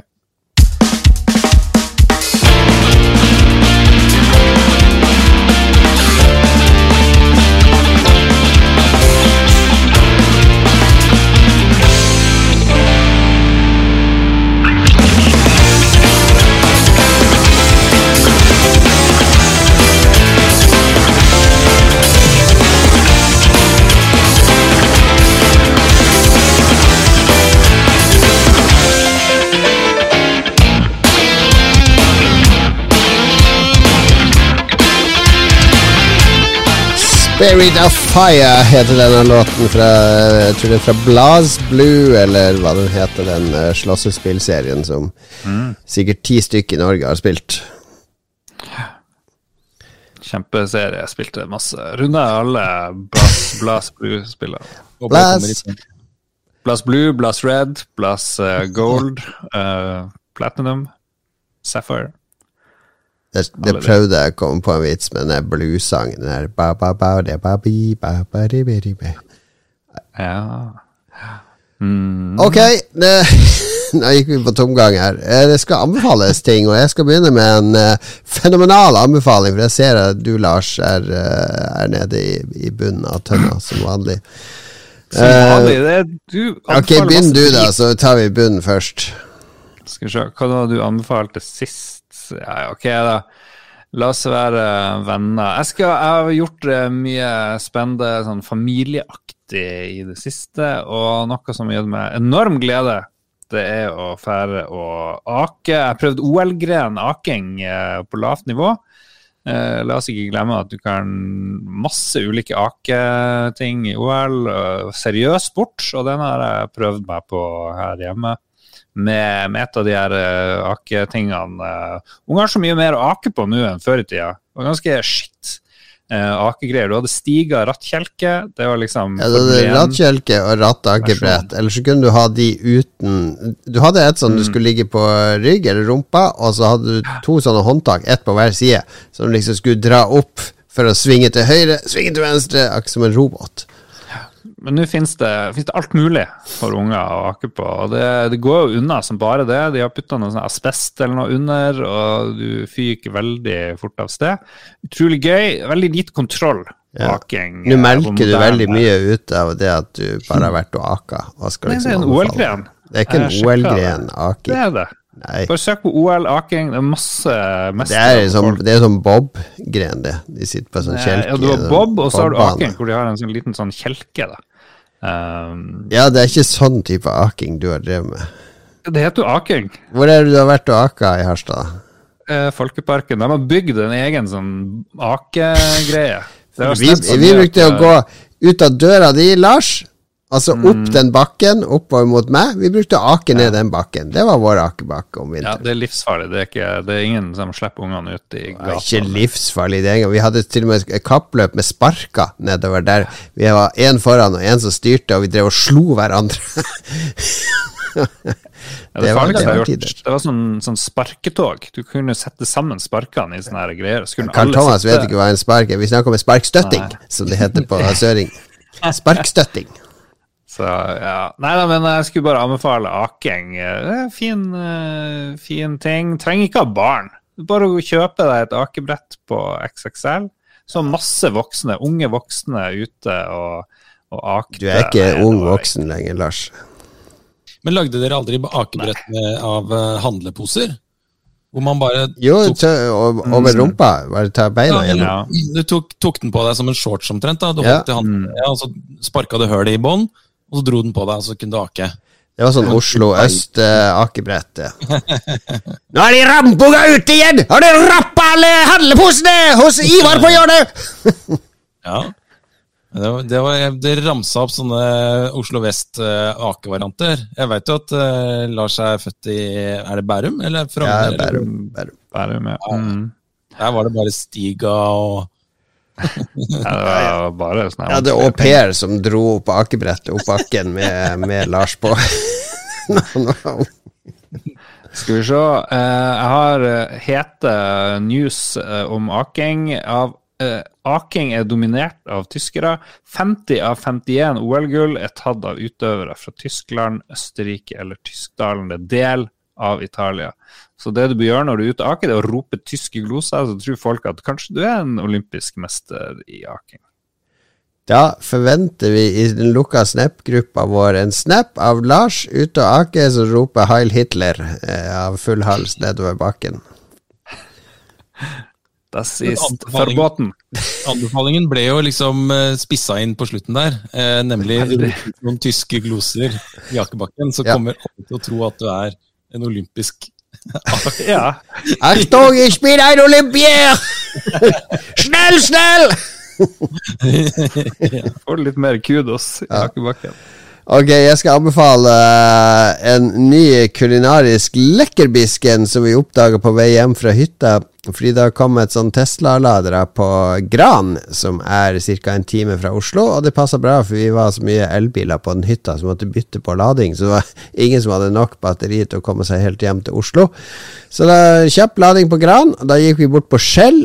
Og alle vet jo at eh, av en eller annen grunn, det er mange bensinstasjoner, ikke sant? men Shell har liksom blitt den du forbinder med boller og bakst. Alle har boller og bakst, men Shell har liksom De er den eneste som har en bolle som er oppkalt etter bensinstasjonen. ikke sant? Du har denne Shell-bollen, som er en uh, Det er en firkant egentlig med litt sånn egg på, og rosiner. Det er sånn eggekrem.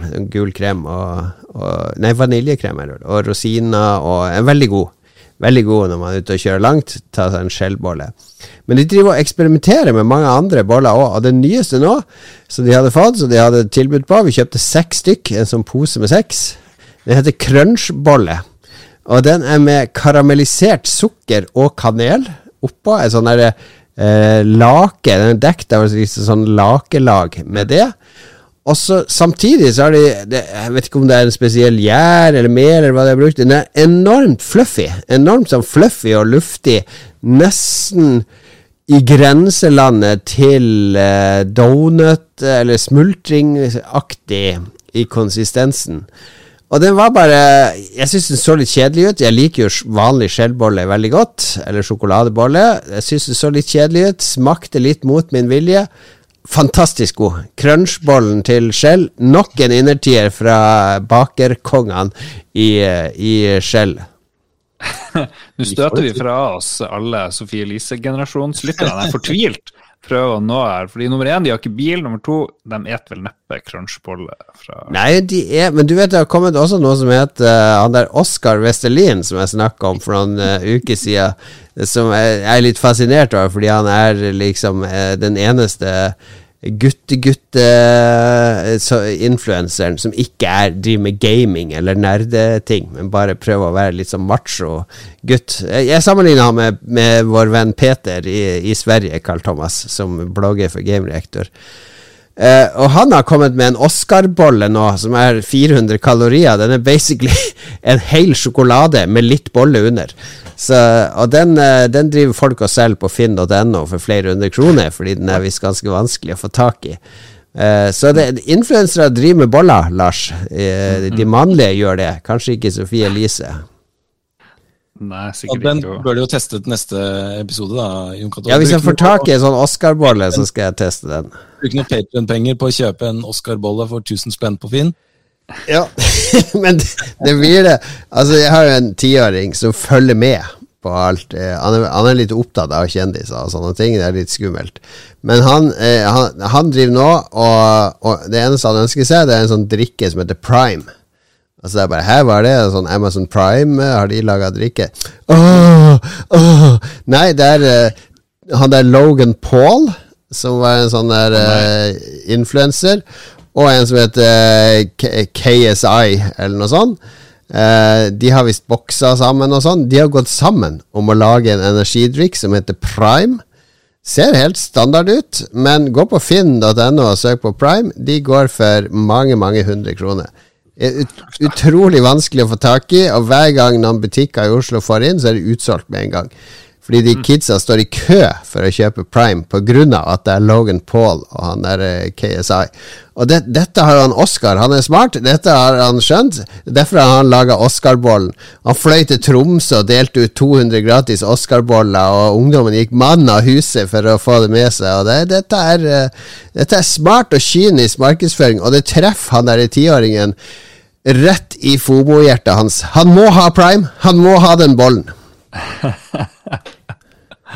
Oh, Jesus. Dette er et marked vi burde cashe inn på, Lars. Hva er det vi kan lage som folk bare må ha?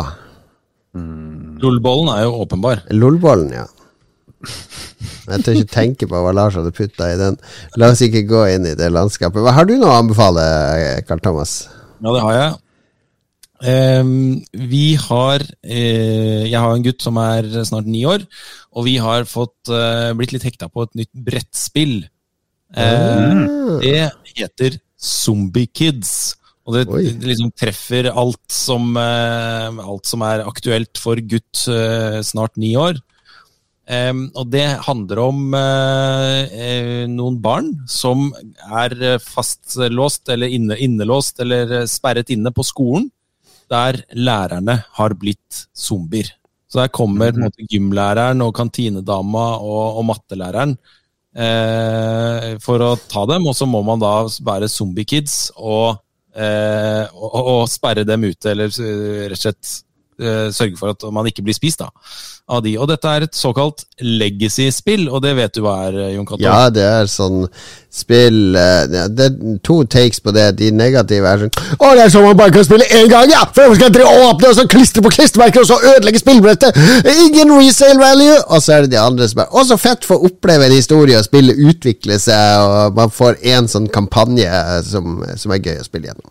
Ja, helt riktig, og det er akkurat det som gjør det spillet ganske gøy for oss. Det er jo at, man, eh, at vi, vi kan spille et par runder, og så plutselig det fulgte med jeg tror det er 12 eller 15 sånne små konvolutter. Ja. Så etter hvert som man liksom lykkes med å, opp, å, å liksom vinne eller ta ulike oppdrag, så får man flere klistremerker, og da kan du åpne en ny konvolutt. Og inni den konvolutten så er det eh, oppgraderinger, f.eks. En, av- eh, en av de spillebrikkene får da en ny egenskap. Eh, eller det kan være superzombier, eh, som gjør at zombiene får nye egenskaper. Eller det kan være nye regler, eller det kan være nye spillere, eller det kan være andre ting. Ja, ja. Eh, ikke for å spoile det noe mer enn det, men eh, det har gjort at vi har sittet og spilt det mye mer enn det vi har spilt andre spill når vi har kjøpt, eh, kjøpt spill. Fordi eh, du har spilt et spill fem ganger, liksom, så har du gjort det ofte, det som er det, det spillet har å tilby. Men her, eh, jeg føler dette er et, et spill eh, som passer veldig bra for typ åtte til tolv år, eller noe sånt, eh, men som har lykkes å modernisere seg litt. Har lykkes å liksom gjøre det samme som, eh, som eh, den eh, aldersgruppa der er vant til fra dataspill. Nemlig å belønne og utvikle seg, og, og du, du får nye achievements. og det er liksom bare, Hvis vi spiller bare én runde til, så kan vi åpne en ny konvolutt, og da kommer det kanskje en ny zombie eller noen nye egenskaper til en av de heltene. Ja. Eh, Så det har vært eh, kjempemorsomt, og, og eh, et av de mest vellykka brettspillene vi har hatt her hjemme, eh, som jeg kan komme på. Solid. Solid av Carl Thomas. Solid Kids. Og det er fordi man skal forberede barna til apokalypsen, Ja. fordi du jobber og vet Ja. at den kommer. Uh, Når kommer apokalypsen, Carl Thomas? Hva er siste projeksjon?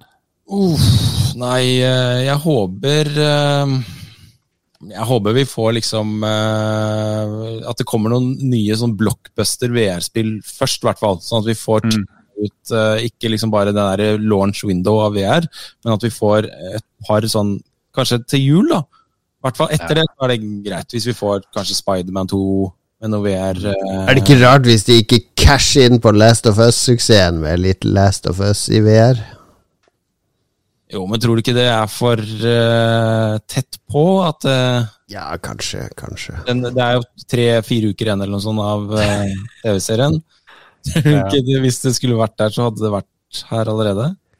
Jo, kanskje. Kanskje. Jeg vet ikke. Jobber ikke med spill lenger. vet ikke hva jeg prater om.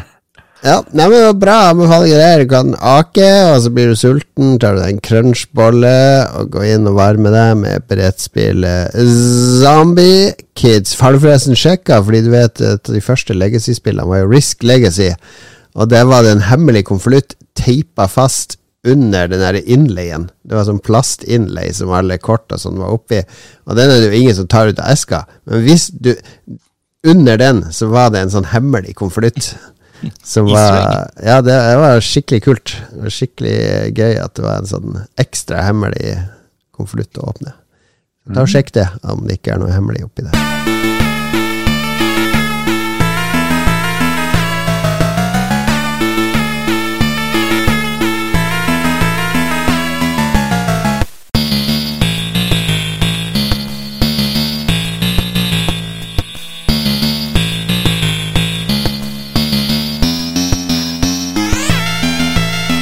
Musikk fra Kings Valley 2 på MSX, eh, japansk eh, spill eh, eller datamaskin, var det vel. Veldig hit and miss, den der musikken eh, du drar frem. Ja, det er litt som episodene våre, det. Ja, det er det. All, everything is random. Er vi på lytterspalten? Ja, vi er vel det. Ja, da er det, da er det PSVR-tid igjen. Skal vi se, vi har fått en del tilbakemeldinger. Jeg annonserte nemlig at en av Norges fremste PlayStation VR 2-eksperter skulle komme til oss. Og da ble jo folk veldig imponert og har uh, rausa inn med ting. Stian Skjerven, vår venn, har du opplevd noen hardware-begrensninger på PlayStation VR 2? Ja, Den funker ikke med Xbox, eksempel. Ja, den virker ikke heller på PC eller Nintendo Switch. Ja. Nei, men jeg, jeg, var, jeg skjønner ikke spørsmålet. Hvilke hardware-begrensninger eh, Den er råere enn min TV. Sånn at den, den, kan jo vise da 120 frames i sekundet i 4K. Jeg kan, hvis jeg spiller, ja, Det er vel ikke helt sant at hvis jeg spiller i sånn cinema-modus For jeg kan spille vanlig spill, bare på en sånn virtuell storskjerm, ikke sant? Men jeg tror det er noen begrensninger i, i hvor rå den oppløsningen der er. Nå, dette finner jeg på. Det var dumt at du sa Norges fremste VR-ekspert, eller hva det var. ja, en av. en av. Jeg sa ikke at du var det, men ja. Du er jo en av de. Det er jo ikke så mange som har det. Jeg, jeg, jeg skjønner ikke helt spørsmålet, men eh, hvis det er noen av dere andre som gjør det, så hjelp meg gjerne her. How many kilograms is the headset? If you have very small head with eyes uh, uh, very far apart, can you use the headset? Um, jeg har sett videoer av folk som har så store hender at de ikke eh, Altså, eh, det er ikke headsetet, da, men eh, at du liksom De får ikke hendene sine inn i, i håndkontrollen, liksom. Oh, ja, det er en ja. sånn ring som du må uh, ta hendene inn i. Og det, er- for meg, mine hender, de er ikke veldig store. uh, men jeg har ikke fått noen klage på det heller, si. Du har en sånn fetisj-playliste med big hands. Ja. Er det dukket opp? men Ja, en sånn en, Har det liksom hakka? Har det liksom slitt med å kjøre spill? Er det Det er fortsatt kabler, det er ikke trådløst, ikke sant? Ja, ja, det det er er en eh, åpenbar hardware-begrensning i forhold til Oculus Quest, f.eks. Ja, nettopp. Ok, ja. ja nei, det er, det er en kabel, ja. Eh. Setupet er jo vesentlig eh, mye lettere fra eh, PlayStation eh, VR1, hvor det var veldig mye styr å bytte HDMI-kabler og en ekstra måtte ha en ekstra sånn Ja, ja, ja. og det var mye greier. Eh, så nå er det én USB-C-kabel inn foran eh, på PlayStation, og så er det good to go. Da er det bare å skru den på, og så er du, er du klar, liksom. Så kan du skru den av og fortsette å spille platskjerm på de spillene som f.eks. Eh, Gran Turismo, da. Som, som støtter begge deler helt sånn sømløst. Du må ikke laste ut og, og bytte. Men en ting, eh, eksempel HP Reverb G2 som jeg har, eh, det kommer jo med innebygd eh, høyttalere som du plasserer over ørene, så det er ikke mulig å bruke eget headset. Kan man det med PSVR2? Ja, det følger med, et, eh, det følger med sånne ørepropper. Ja. Med det her. Eh, så det følger med sånne ørepropper. Som, som er sånn in-air-propper, da, som du kan Ja. eh, bruke. Men, men de, er, de kan du jo bare egentlig veldig enkelt uh, ta av hele greia med en sånn kabel her. Så går det en bøyle under hele baksiden av hodet. Ja. Uh, så den kan, den kan man jo bare ta av og så bruke det andre, eller bruke et annet headset. Men det er OK ørepropper som eh, følger med. Jeg har jo øya ganske langt fra hverandre, har jeg skjønt. Jeg har aldri tenkt over det før jeg skulle bruke HP Reverb G2, for der er det en innstilling. Du kan stille inn hvor de der to eh, skjermene, altså linsen, er. Så jeg må jo ha de med maks avstand, og selv det føler jeg de kunne vært eh, noen millimeter til fra hverandre for at det skulle bli optimalt. Eh, Er det, er det mulighet for å stille, stille bredden? Altså Ja, Ja. Eh, det er det. Det er en slider oppå headsetet eh, som veldig enkelt justerer det. Her sånn. Så ruller du bare på dette hjulet, eh, som du gjør da med din eh, venstre hånd, når du har det på deg. Eh, så er det veldig enkelt. Og, og siden det er jo sånn eh, infrarødt kamera som sporer hvor øynene dine er, så ser du, er det en meny inni PlayStation-menyen der hvor du veldig enkelt kan da se om du har optimal innstilling på de linsene. ja, Kan du se øynene dine? Ja, eller du ser sånn digital gjengiving av de eh, eh, øynene dine. Ja. Så du ser du får sånne blå ringer rundt sånn pring! Nå er du, Ja, nå ja, har du de liksom i senter, Ja, da. smart. Um, så det er veldig eh, veldig greit. Du trenger ikke lure på om eh, linsen er bedre her eller her. Fordi PlayStation hjelper deg å stille det inn så bra som mulig. Mm. Hvis det kommer noen og skal angripe deg, slå deg ned bakfra f.eks., har det en sånn sensorer som oppdager det? Nei, men jeg har installert sånn manuelt sånn snubletråd her i, i denne eh, prepperhula mi. Så du, må, du må gjennom noen andre manuelle hindringer, selvfølgelig. Det er lurt. Hvor fornøyd blir din kone når du har putta denne på, og hun står litt sånn her nervøs på havets bunn eller i en eller annen zombieby, og du bare Nei, ehm, hun, det, det hun fikk prøve, var det derre padlespillet, kajakk. Kajakk ja. for det tenkte jeg, dette er liksom enkelt, det er ikke noe stress. Det er bare å sitte stille i en, i en kajakk holde året, og, og enkle bevegelser, bare padle. Men der eh, Det var ikke mye krusninger i vannet som skulle til. At liksom vannet bare gikk litt sånn her, og kajakken bevegde seg bitte lite grann sånn opp og ned. Og da, var, da måtte hun holde seg fast, liksom. Jeg trodde at det, det skulle være en veldig enkel start, da. Er Charter-Svein eh, 2.0 der. Ja, det savner jeg faktisk eh, til Det er en av de tingene jeg syns er litt kjipt. At det ikke er den eh, eh, demodisken som fulgte med til PlayStation Ja. 1, der hvor det var noen sånne veldig eh, enkle demoer så, til å vise frem. Ikke sant? Ja, Når ja, du hadde besøk eller til folk. Det var sånn haibur. Husker du det, Jon Ja, Cato? ja, ja, det var det jeg viste til familien. Ja, ikke sant? For det var en sånn helt sånn no-brainer. Du bare var inne i en sånn dykkerbur, og så gikk det buret nedover, og så, og så svømte det fine fisket forbi. Og det eneste du trengte å gjøre, var jo å sitte stille og se deg rundt. Det var en Resident Evil 7-demo òg, der, der du egentlig bare skulle sitte ved et sånt kjøkkenbord. Og så gikk Ja. det en figur rundt og var skummel. Ja. Nei, men eh, faktisk eh, De der demotingene som man viser frem når du har besøk, de savner jeg litt. Ja. Det er en del av de som er populære på PC, og det er en med Titanic, der du kan bare være på ulike deler av dekket på Titanic når den synker. Den, det, den er superpopulær.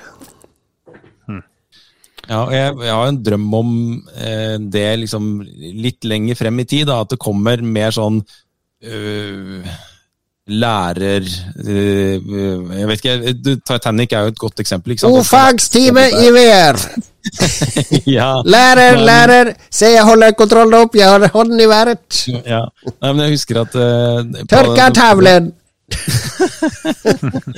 På den forrige, Noe av det som jeg syntes var kjempegøy, var å sitte i YouTube VR, som var en større greie før. eh, Men det er en satsing som de har lagt helt ned. Men der kunne du sitte da eh, og se f.eks. den kinesiske mur. Og bare være, være til stede på den kinesiske mur, eller være sitte på et uh, torg i Nord-Korea og se sånn, sånne uh, trimgrupper som står sånn og trimmer på torget i Nord-Korea.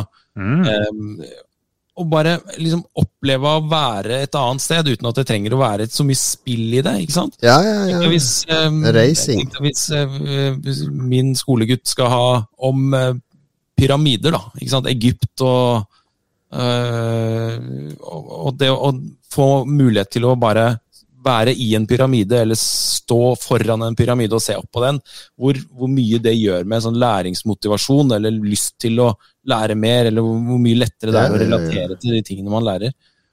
Det håper jeg jo. Jeg ble veldig nysgjerrig på at du satt Åh, jeg kan reise hvor jeg vil i verden med dette headsetet. Hva skal jeg reise, hva skal jeg se? Jo, kan jeg få se noen pensjonister som trener i Nord-Korea på et torg? Ja. Først kinesiske mur, og så Nord-Korea. Ditt holodeck, det er å sitte på et torg i Nord-Korea og se på pensjonister som trener. Ah, flukt fra hverdagen. Vi må anbefale Lolbua 178, hvor vi hadde besøk av Jørund Pedersen, som har vært mye i Nord-Korea. Ja, det er sant, det. Og, gama i Nord-Korea. Ok, eh, Ståle lurer på hvorfor du bare har testa gamle PlayStation VR1-spill. Det har du jo ikke. Tullespørsmål fra Tå- Ståle der. Vegard lurer på hva du forventer av PlayStation VR3. Altså Nå som du har spilt på toeren, hvis det er lov å si. Hva, eh, du må, er det noe forbedringspotensial her? Hva, hva, hva skal steget videre være om noen år?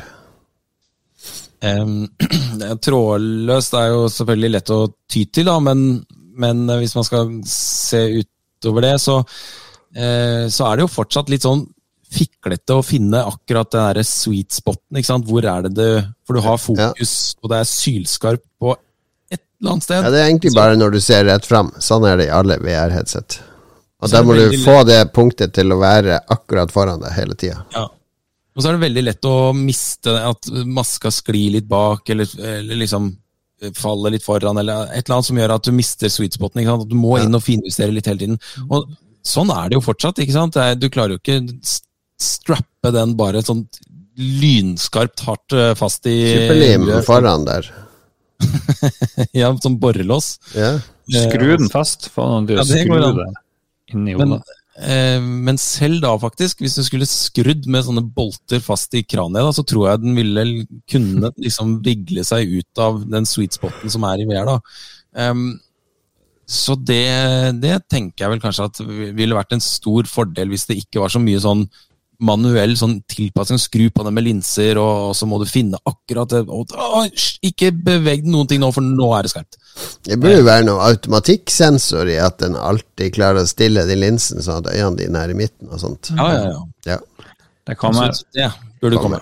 Kommer, kommer i PlayStation VR3. Hørte det her først. Kristoffer Karlsen lurer på hvordan PSVR 2 er å bruke med briller sammenlignet med PSVR 1. Jeg hadde ikke problemer med, med noen av headsetene, Um, men du skal være litt forsiktig. Du skal ikke ha veldig store briller før du sikkert får problemer med å ta den på. Uh, og så skal man jo være veldig forsiktig med de linsene, for de er jo veldig skjøre. Uh, jeg har allerede fått en liten prikk som kommer av at de har kommet borti liksom, brilleglassene mine. Eh, og det er jo innmari irriterende, da, men jeg ser det jo ikke, selv om jeg prøver alt jeg kan å se en uh, litt sånn blassflekk inni headsetet, så ser jeg det ikke. Hmm. Men det er en liten prikk der. Det er irriterende. Det er Så sånn. vær forsiktig med, med briller. Hvordan Øyan lurer på hvordan er det her i forhold til Nintendo Labo? Ehm, Labo var en gimmick. Er dette òg en gimmick? Eh, Kanskje det han spør om. Uh, ja, Det er jo ikke så lett å si, da. Det kan jo hende det blir det fordi det ikke kommer noen flere kule spill, og det er, det- er dette som er nå, som, uh, som blir, det det, blir det det blir. Men, men det er vel over 100 spill i utvikling, uh, og det har kommet eh, 40, tror jeg, allerede. Så det er et sånn bra sug akkurat nå, og nå kommer det veldig mye. Nå kom, og og nå, nå lover, eh, lover det veldig mye. Eh, og så håper jeg at det ikke blir det, fordi det er Når det leverer, så er det som ikke, ikke noe annet du har spilt. da, hvis det, Ja, for det, det er ikke sammen Det er ikke en videre Altså, det er ikke en videreføring av spillmediet i en sånn linje vi er vant til, med at det blir mer grafikk, mer realistisk. Eh, sånn. Det er et side Det er noe annet, fordi det Ja. har en, en dimensjon som, som du ikke kan representere på en flat skjerm eh, Ja. og med en håndkontroller eller mus og tastatur.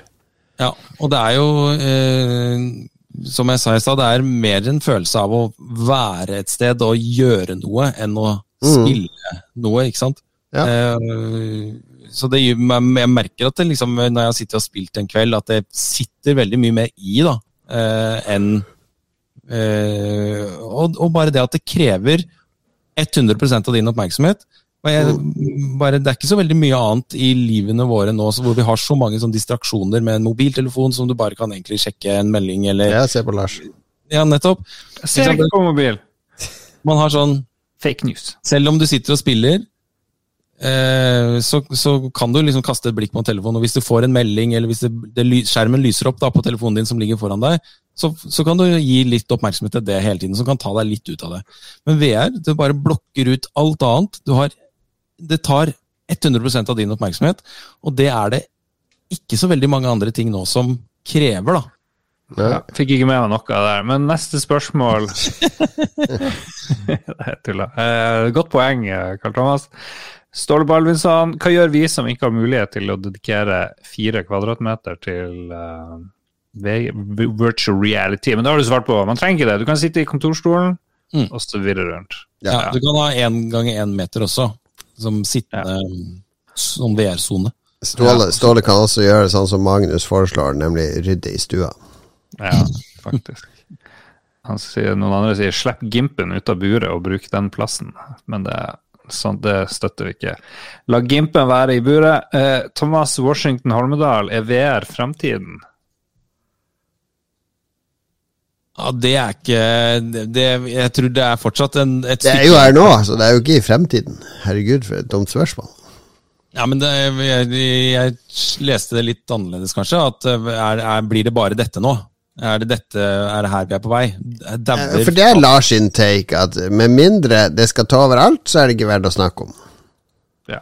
Nei, ikke sant. Og det, det tror jeg jo i Jeg tror at spill på vanlig TV også kommer til å være relevant eh, ved siden av dette, selvfølgelig. Ja. Men det, jeg kan vel bare si at jeg har det innmari gøy med dette nå. Så Ja, er det et helt produkt, og så kan jeg ikke garantere for at kommer Jeg kommer aldri til å spille et spill på vanlig TV igjen. Du får ikke tilgang til Mark Zuckerbergs eh, metaverse med PlayStation VR2.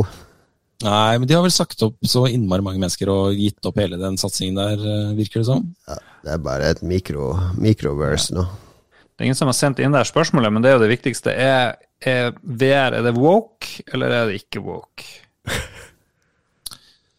Eh, Det kan vi tenke på. Det kan vi tenke på. det, det er noe å gruble over, det der. Ja. Magnus Eide Sandstad, kan vi snakke om uh, Windows Mix? Nei, for Reality? guds skyld, vi trenger ikke å snakke om det. Men det, ja. det som er litt gøy med VR, da, det er jo at det er jo et veldig sånn rart sted der hvor noen bruker masse penger og går all in. ikke sant? Eh, Sony kommer jo med et nytt, denne nye maska nå. Apple er jo liksom rett før de, virker det som, da, eh, skal lansere en sånn mega high end ny maske til 40 000.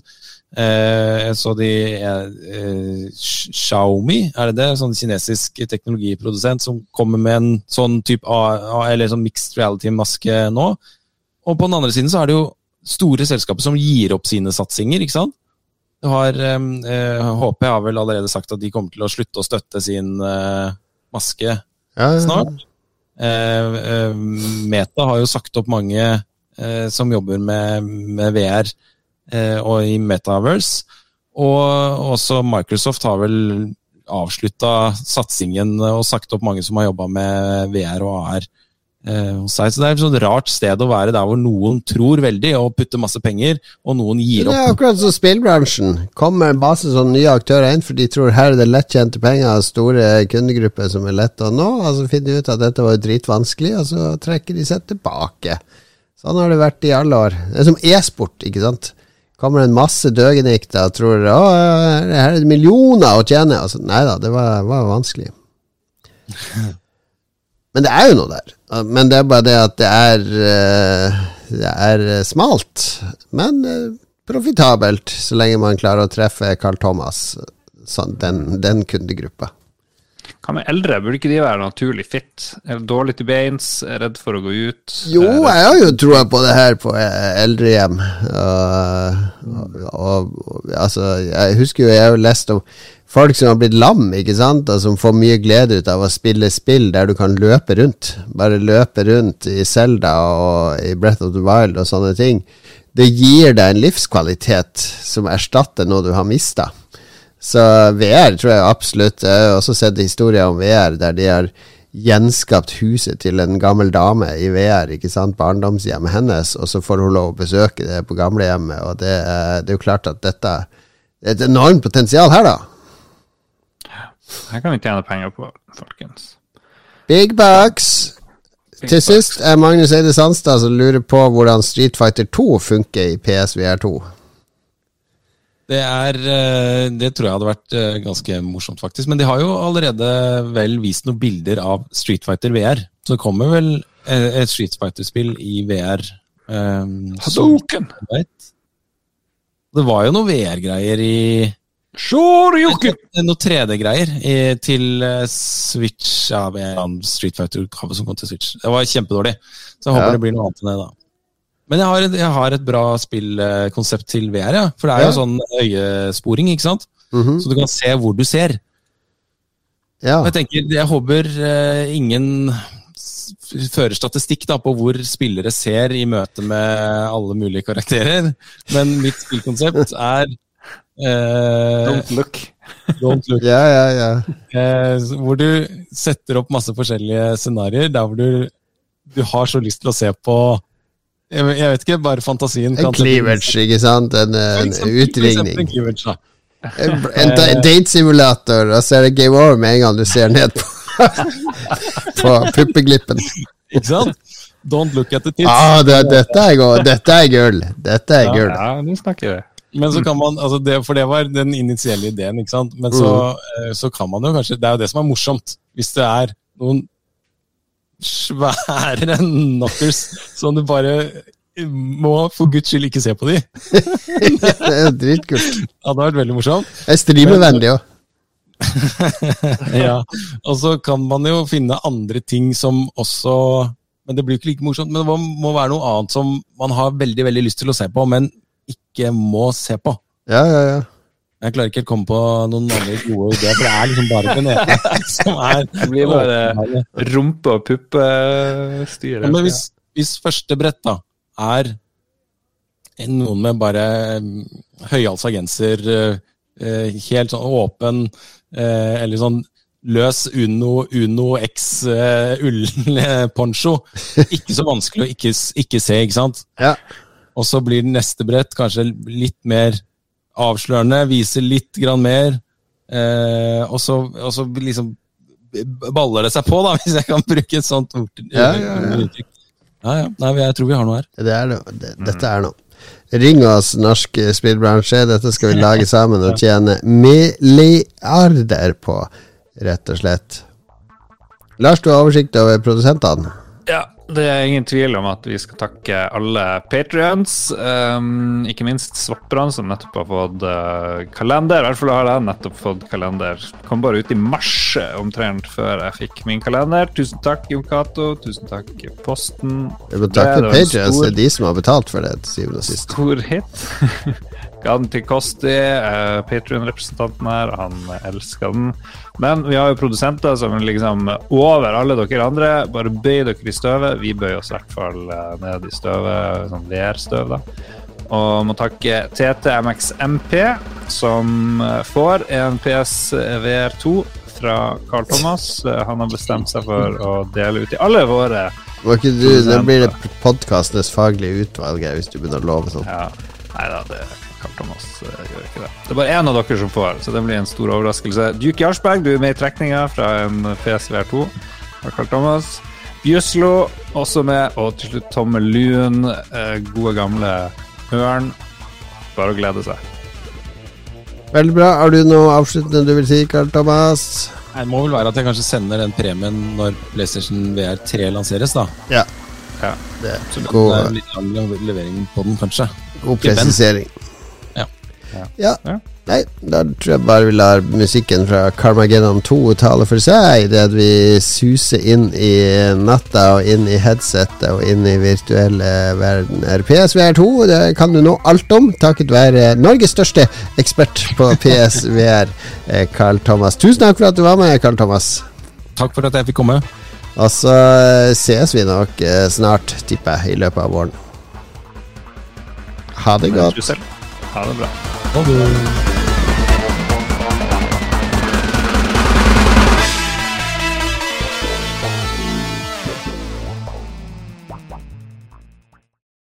Har du et enkeltpersonforetak eller en liten bedrift? Da er du sikkert lei av å høre meg snakke om hvor enkelt det er med kvitteringer og bilag i fiken, så vi eh, gir oss her, vi. Fordi vi liker enkelt. Fiken superenkelt regnskap.